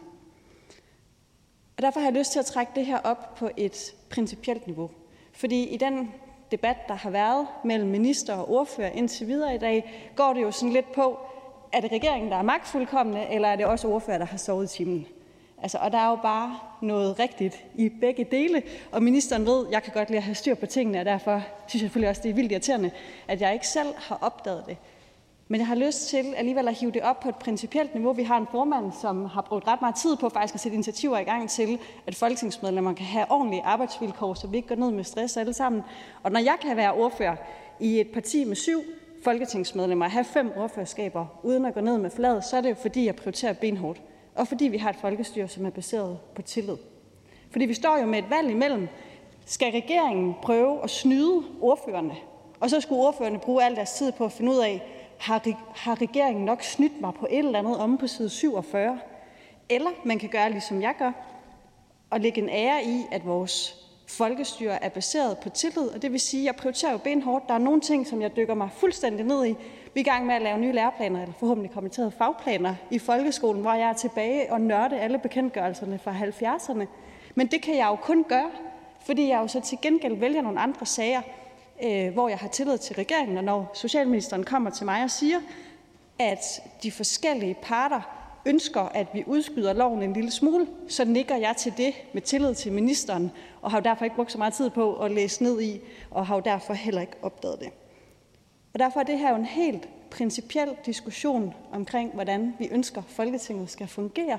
Og jeg synes, det er vigtigt, at vi har et folkestyre, som er baseret på tillid, og hvor vi har en regering, som udøver god regeringsførelse ved, at når man flytter så stort et beløb, at så fortæller man det selvfølgelig til sine ordfører, og som det mindste, så indkalder man sine ordfører til en drøftelse om, hvad man skal med de penge. Og det kan jo godt være, at regeringen har truffet en beslutning om, at man vil bruge pengene til noget andet, men så kan man i det hvert fald øh, fortælle sin ordfører det. Som øh, Pippi Langstrøm engang sagde, den, der er mægtig stærk, skal også være mægtig sød, og jeg mener, der pålægger en flertalsregering et helt særligt ansvar for god regeringsførelse. Radikale Venstre kan støtte forslaget. Tak for det, og der er forløbet to korte bemærkninger. Fru Pernille Vermund, Ny Borgerlige. Værsgo. Tak for det. Jeg kan forstå, at man på venstrefløjen, hvor man jo ikke har været med til at øh, bruge penge andre steder, øh, siger, at det her er en sag, som politisk øh, hvad skal man sige, stikker i øjnene på os. Fordi man på venstrefløjen gerne vil øh, bruge flere penge på børneområdet, og man er imod de skattelettelser, der er vedtaget. Men radikale venstre har jo været med i den aftale, hvor man har finansieret nogle skattelettelser. Så derfor vil jeg gerne spørge ordføreren, mener ordføreren, at det var en forkert prioritering? Altså skulle pengene ikke være brugt på skattelettelser? Er den aftale, der er lavet om skattelettelser, er det en forkert aftale, en dårlig aftale, som man ikke længere bakker op om i Radikale Venstre? Eller hvad er sådan det politiske øh, ståsted for Radikale Venstre? For man kan jo ikke mene begge dele. Pengene kan ikke bruges to gange. Så det er den ene del. Den anden del er, at øh, ordføreren siger, at, at noget med at blive snydt, men, men er det ikke en logisk konsekvens af en lov, der først træder i kraft næste år, at pengene så også først bliver brugt næste år. Altså sådan set udefra, uden at have været med i øh, forhandlingerne eller en del af aftalekredsen, så må jeg bare sige, at jeg kan simpelthen ikke forstå, at man kan tro andet, end at pengene selvfølgelig først bliver brugt, når loven træder i kraft. Ordføreren. Jo, derfor ville jeg også ønske, at jeg havde taget det op, men jeg synes, det påviler regeringen at tage fat i sin ordførerkreds, når det drejer sig om så stort et beløb, som det gør her. Og vi kunne jo netop have sat ting i gang. Vi kunne jo have sørget for, at socialrådgiverne blev klædt på, sådan så de var klar til, når børnene øh, først træder i kraft. Og så er det jo helt rigtigt, vi er jo med i aftalen, og vi står bag skatteaftalen, men det min kritik går på, at på intet tidspunkt i løbet af de forhandlinger orienterer hverken skatteministeren eller finansministeren om, hvor de tager de her penge fra. Fru Pernille Vermund. Så går vi videre, og det er fru Lisbeth Bæk Nielsen, Socialistisk Folkeparti. Værsgo. Tak, og tak for talen. Jeg synes, den øh, er meget vigtig og øh, principiel, og det er faktisk også derfor, at jeg på vegne af SF har taget det her aktstykke i salen, fordi jeg synes nemlig, det er principielt. Øh, og det her det handler ikke om en politisk uenighed om, om en dækningsafgift eller ej. Derfor er jeg så glad for, at der er en ordfører, hvis parti er med i begge aftaler, der siger, det her er simpelthen ikke en ordentlig måde for en regering at opføre sig på, og ikke at være åben om, hvor pengene bliver taget fra. Som socialordfører er det ikke rigtigt, at øh, socialministeren har sendt jer ordfører et brev om aktstykke 98 og 99, hvor hun omprioriterer nogle midler på socialområdet, men at der ikke er kommet noget brev på aktstykke 68, altså pengene fra børnene først, og er det ikke mærkeligt, at man på et område, hvor man omprioriterer nogle midler, så sender man et brev og involverer ordførerne, fortæller, hvad pengene så skal bruges til, men på det andet område, hvor det er rigtig mange penge, der bliver taget fra børneområdet, der siger man intet. Ordføreren? Uden at jeg øh, lige tør at have totalt styr på alle mine mails, så tror jeg, det er rigtigt, det ordføreren siger. Og i hvert fald opdagede jeg jo først, at der var tale om så stort et beløb, da øh, SF øh, tog fat i mig, og det synes jeg jo er en mærkelig måde, at det foregår på. Jeg ville jo ønske, at ministeren havde taget på sig og indkalde os ordfører til en drøftelse om de penge, sådan så vi havde haft en åben diskussion om det, og ikke står her et par minutter i juleferie og, øh, og får det vide sådan af bagvejen. Fru Lisbeth Bæk Nielsen. Tak. Og var det også rigtigt forstået, at nu, hvor der jo desværre ikke kan sættes en masse hvad skal man sige, savlige øh, øh, børneinitiativer i gang, fordi vi er så sent på året, at så kan man faktisk stadigvæk nå at bruge de her penge for eksempel på en, øh, på en check til, øh, til de allermest udsatte børnefamilier i det her land. Om få dage er det jul, der er rigtig mange, der er presset derude. Ordføreren? Ja, det vil vi godt kunne gøre, men hvis jeg faktisk må ønske en ting, som jeg håber, der kommer ud af den her øh, diskussion, så er det, at næste gang vi står i en situation, hvor en minister udskyder øh, et lovforslag, og der ligger så mange penge i det første år, som der gjorde i det her tilfælde, at så synes jeg, at ministeren skal sige det til ordførerkredsen, så man kan få en reel drøftelse af det. Det vil være god regeringsførelse. Tak for det, og der er ikke flere korte bemærkninger. Vi siger tak til fru Lotte Rod fra Det Radikale Venstre. Jeg byder nu velkommen til hr. Peter Kofod fra Dansk Folkeparti. Tak for det, formand. Jeg skal starte med at bringe sådan en disclaimer eller en varedeklaration, og det er, at jeg er ikke socialordfører. Jeg har ikke deltaget i et eneste møde med socialministeren om de to pakker, det handler om, og jeg ved derfor ikke, om ministeren har indkaldt for lidt eller for sent, eller hvor meget eller hvor lidt man har drøftet på de her møder. Så hvis vi skulle bruge nogle flere penge, så kunne det måske være på parterapi mellem socialministeren og socialordførerne. Noget kunne tyde på, at der kunne være brug for det. Så kunne det også være, at man i almindelighed havde kunne klappe den her sag af på forhånd, og at vi kunne have afsluttet den på finansudvalgsmødet i tirsdags. Men altså alt det, det er jo, det er jo vand under åen. Øhm, men, øhm, men i fremtiden så kunne det være, at man kunne bestræbe sig på øh, det. Jeg skal starte med at sige, at vi støtter øh, SF's beslutningsforslag. Jeg er sådan set principielt enig i meget af det, som er blevet sagt øh, fra, fra SF's øh, side. Aftalerne på det her område angår ikke i så høj grad Dansk Folkeparti.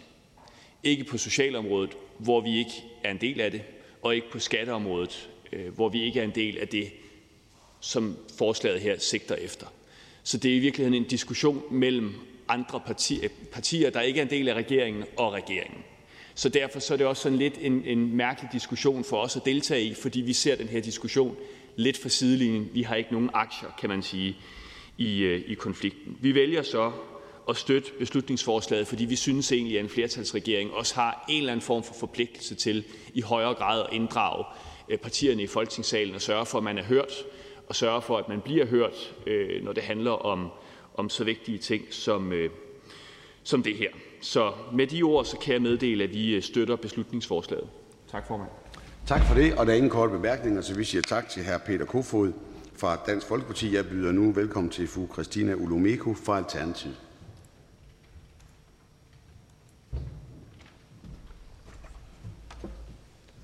Tak for ordet. Jeg kommer også til at holde min øh, tale forholdsvis kort.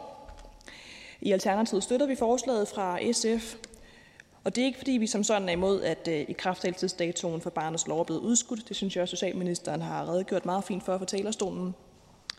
Men vi støtter at trække aktstykket nummer 68 tilbage, fordi vi mener, der er stærke, stærke indikationer på, at aftalepartierne og Folketinget ikke er blevet involveret nok i, hvordan de uforbrugte midler skulle anvendes, men ikke mindst også fordi, at vi mener, at der er stærke indikationer på, at midlerne bliver brugt til at finansiere en skattelettelse for erhvervslivet. Og nu bruger jeg jo ordet stærke indikationer, og det er jo grundlæggende, fordi at vi i Finansudvalget ikke har haft mulighed for at kontrollere, hvordan regeringskontoren er blevet udmyndtet gennem året. Jeg kan konstatere, at to finansudvalgsmedlemmer har spurgt til, hvordan kontoen er blevet anvendt. Vi har ikke fået svar fra Finansministeriet. Og der var jeg nu for, ja, for tredje gang, at der et finansudvalgsmedlem, der har spurgt ministeriet til, om vi kan få opdelt, øhm, hvordan udgifterne er blevet brugt igennem årene, hvilke initiativer de er blevet brugt på, og om vi kan få det opdelt på måneder.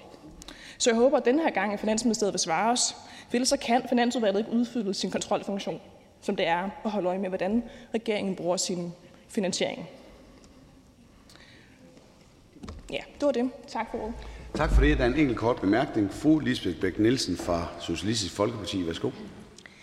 Tak. Det er nemlig rigtigt. Ordføreren og, og jeg, øh, måske også andre, øh, har, jo, øh, har jo stillet spørgsmål omkring øh, det her, og jeg synes ikke, at det kan være rimeligt, at vi skal bruge så meget tid på at lege øh, detektiver, når, når regeringen har en forpligtelse til at vise, hvordan de bruger øh, pengene.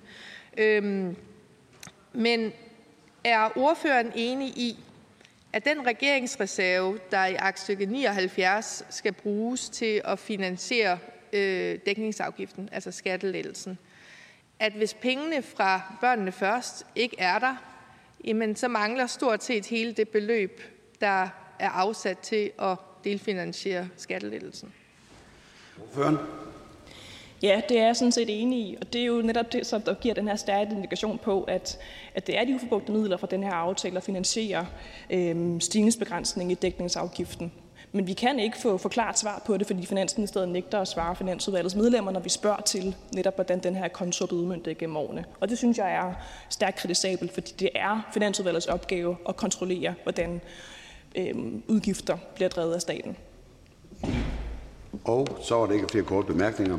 Vi siger tak til fru Christina Olumeko fra Alternativet. Jeg byder nu velkommen til fru Pernille Vermund fra Nye Borgerlige.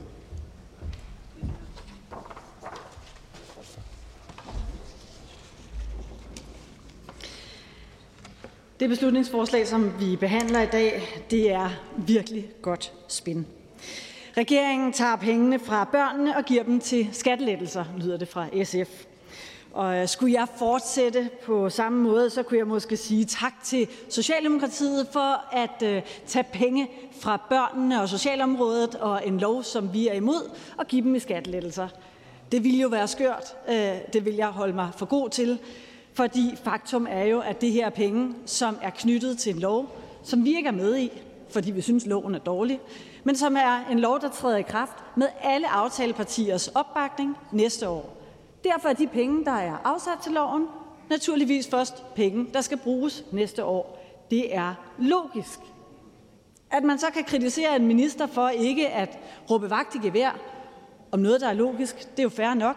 Det må jo påvile ens egen samvittighed, og jeg er glad for, at fru Lotte Rod som øh, ordfører på området erkender, at det jo også et eller andet sted er en egen ordførers ansvar at holde øje med.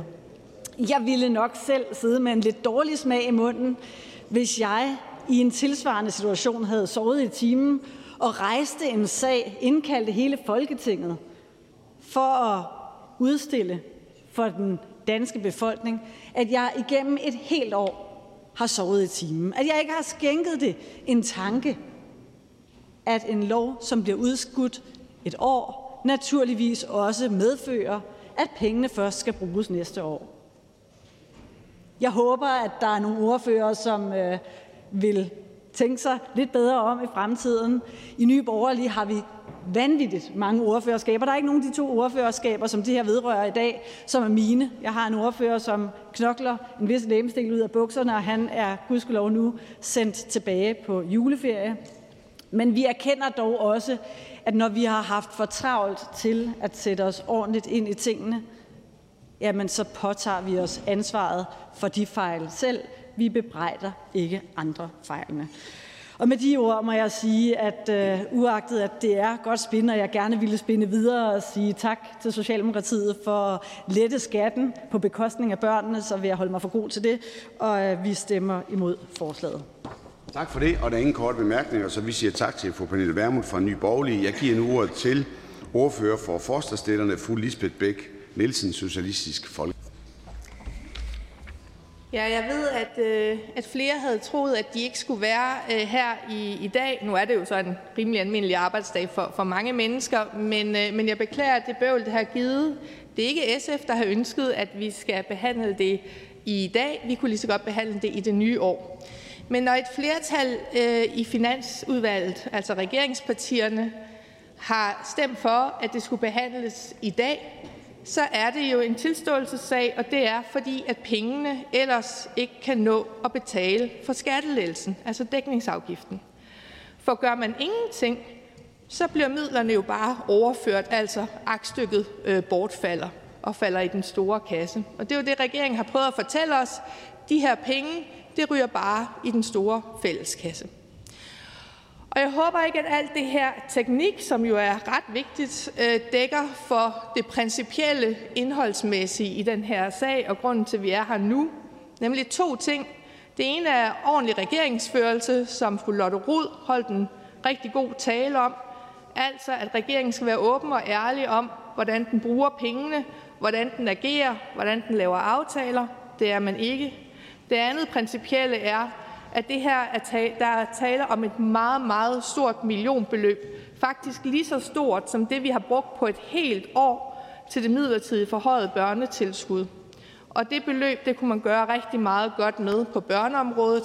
Flere socialordførende fra konservative, øh, radikale, enhedslisten har netop anvist nogle forskellige måder, man kunne sætte initiativer i gang på, styrke socialrådgiveruddannelsen øh, og andet. Og selv hvis man mener, at man ikke kunne nå alle de her ting, så kunne man jo prioritere de her midler til en ekstraordinær børnecheck øh, herop til jul. Vi har, rigtig, vi har 47.000 børn i det her land, der vokser op i fattigdom.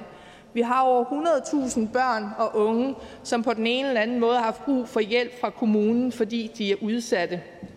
Vi har tusindvis af børn, der er anbragt uden for hjemmet. Alle de her børn kunne vi give en håndsrækning, specielt få dage før jul, og det vælger regeringen ikke at gøre. Regeringen vælger at bruge pengene på en helt anden aftale, endda en skattelettelse. Jeg vil gerne sige tusind tak til, at vi er så bred en kreds af partier, som kan være enige om det principielle problem i det her, og det indeholder også partier, som har lavet aftalen om dækningsafgiften, men som er enige i det principielle problem i, at en regering, der agerer på den her måde, er meget svær at samarbejde med, fordi at det er op til os hele tiden. Jeg tror med fru Lotte Ords råd, øh, ord, øh, i stedet for at stole på, at det, man får, er rigtigt, så skal man bruge al sin tid på at finde ud af, om regeringen eller minister snyder i. Det er jo uholdbart, og derfor er det her også principielt. Men øh, mange tak, og øh, så ses vi snart til afstemningen. Tak for det, og der er ingen korte bemærkninger, så vi siger tak til fru Lisbeth Bæk Nielsen, Socialistisk Folkeparti. Der er ikke flere, der er bedt om ordet, og derfor er forhandlingen sluttet. Jeg foreslår, at forslaget henvises til Finansudvalget, og hvis ingen gør indsigelse, betragter dette som vedtaget. Det er vedtaget. Der er ikke mere at foretage i dette møde. Folketingets næste møde afholdes i dag kl. 14.00 med følgende dagsorden. Anden behandling af beslutningsforslag nummer B 100. Mødet er hævet.